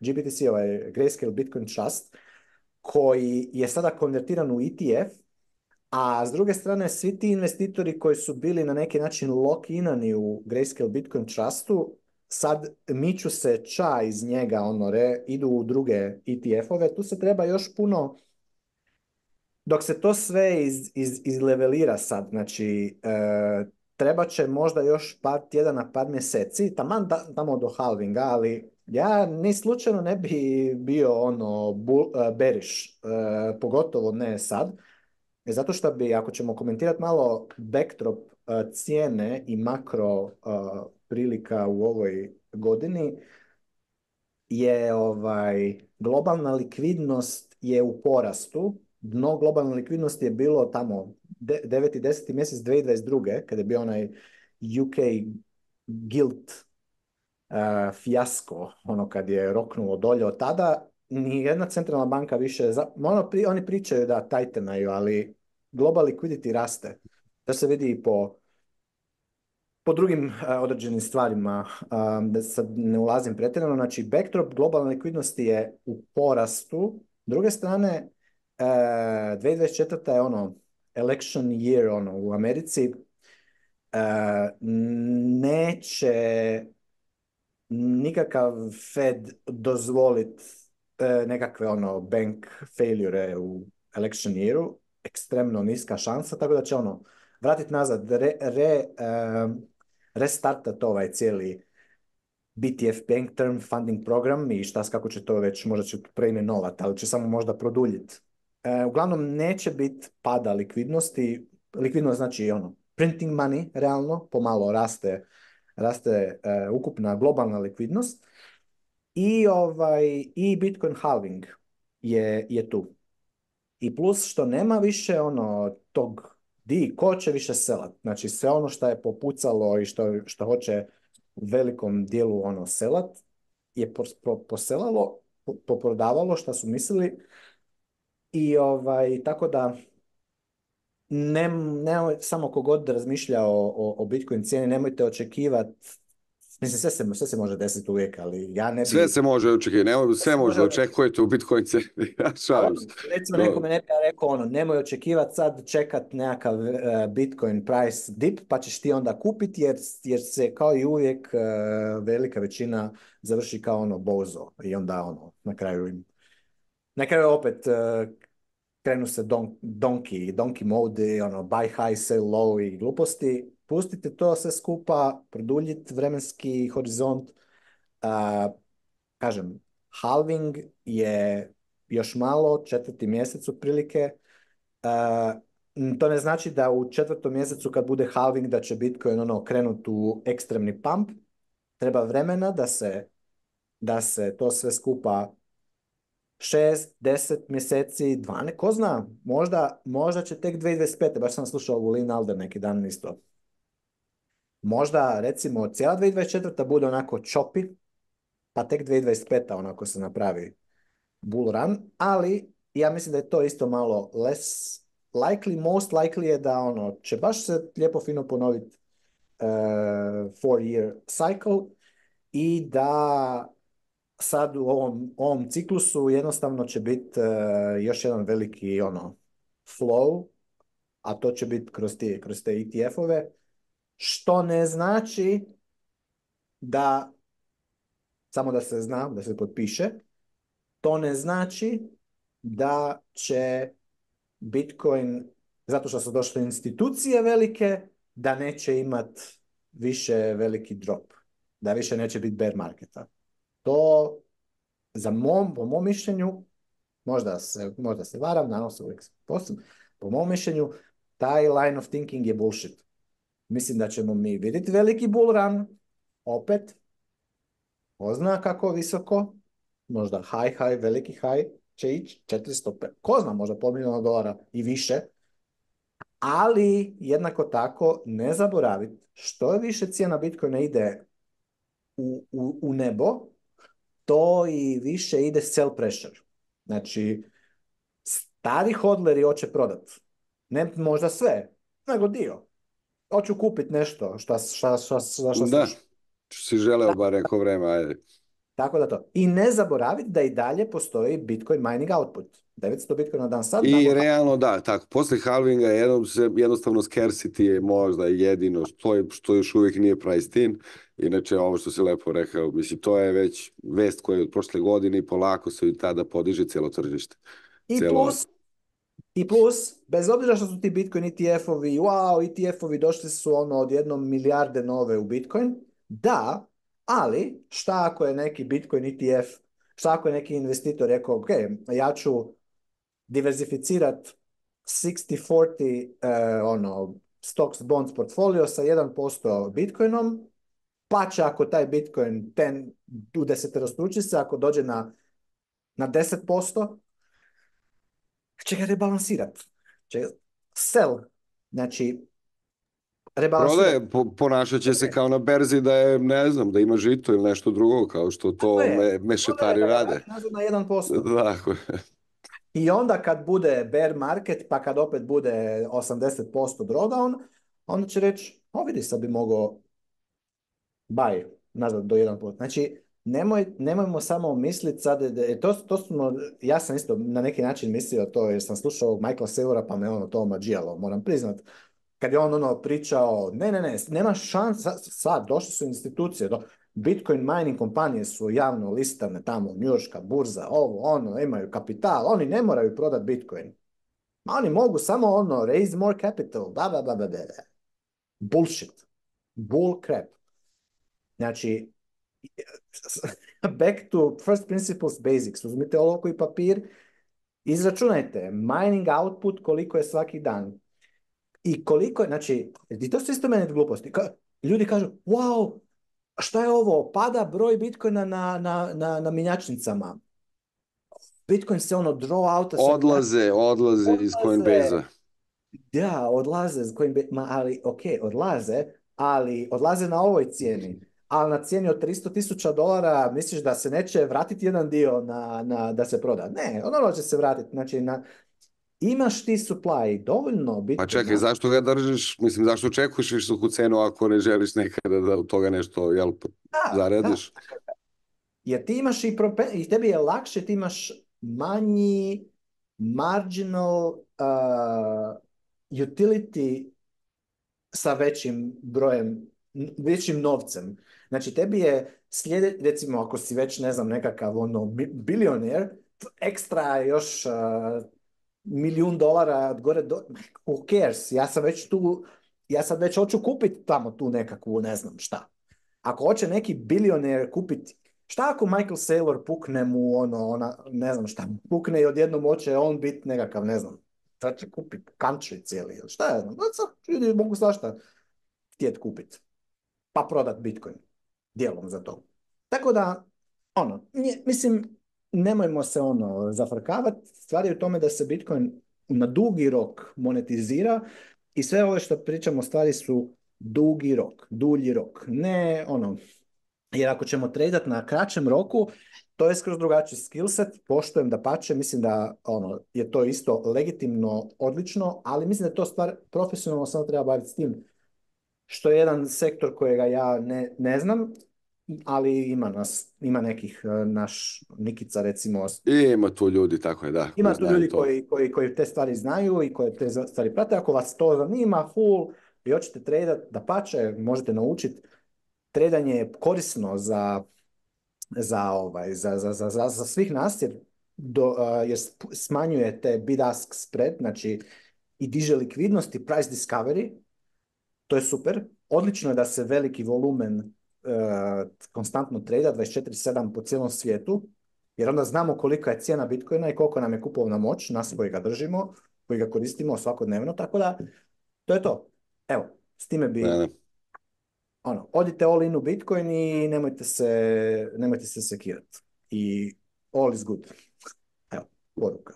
Apsolutno. Pa mislim, ljudi znaju da smo mi pozitivni ovaj, stalno ovim našim ovaj, podcastima, da uopšte ne, ne, nemamo neke toliko negativne i, ono, slutnje, pre, tako kažem. Tako da danas slažem se s tobom, price discovery se dešava kada mnogo ljudi trguje time. I ok, e, volim se koliko mislim ja bi povećao, ali opet ne znam ni ja stvarno puno o tome sada ne, da ne lupetamo, nego da zovemo mi neke od tih ljudi koji znaju, a pa što misliš, za budući. Poziv je otvoren. E, dobro, hvala pa Sad bi mogli da, sad bi mogli da pustimo ljude da, da odu kući. Stojite dobro i pozdrav, pozdrav.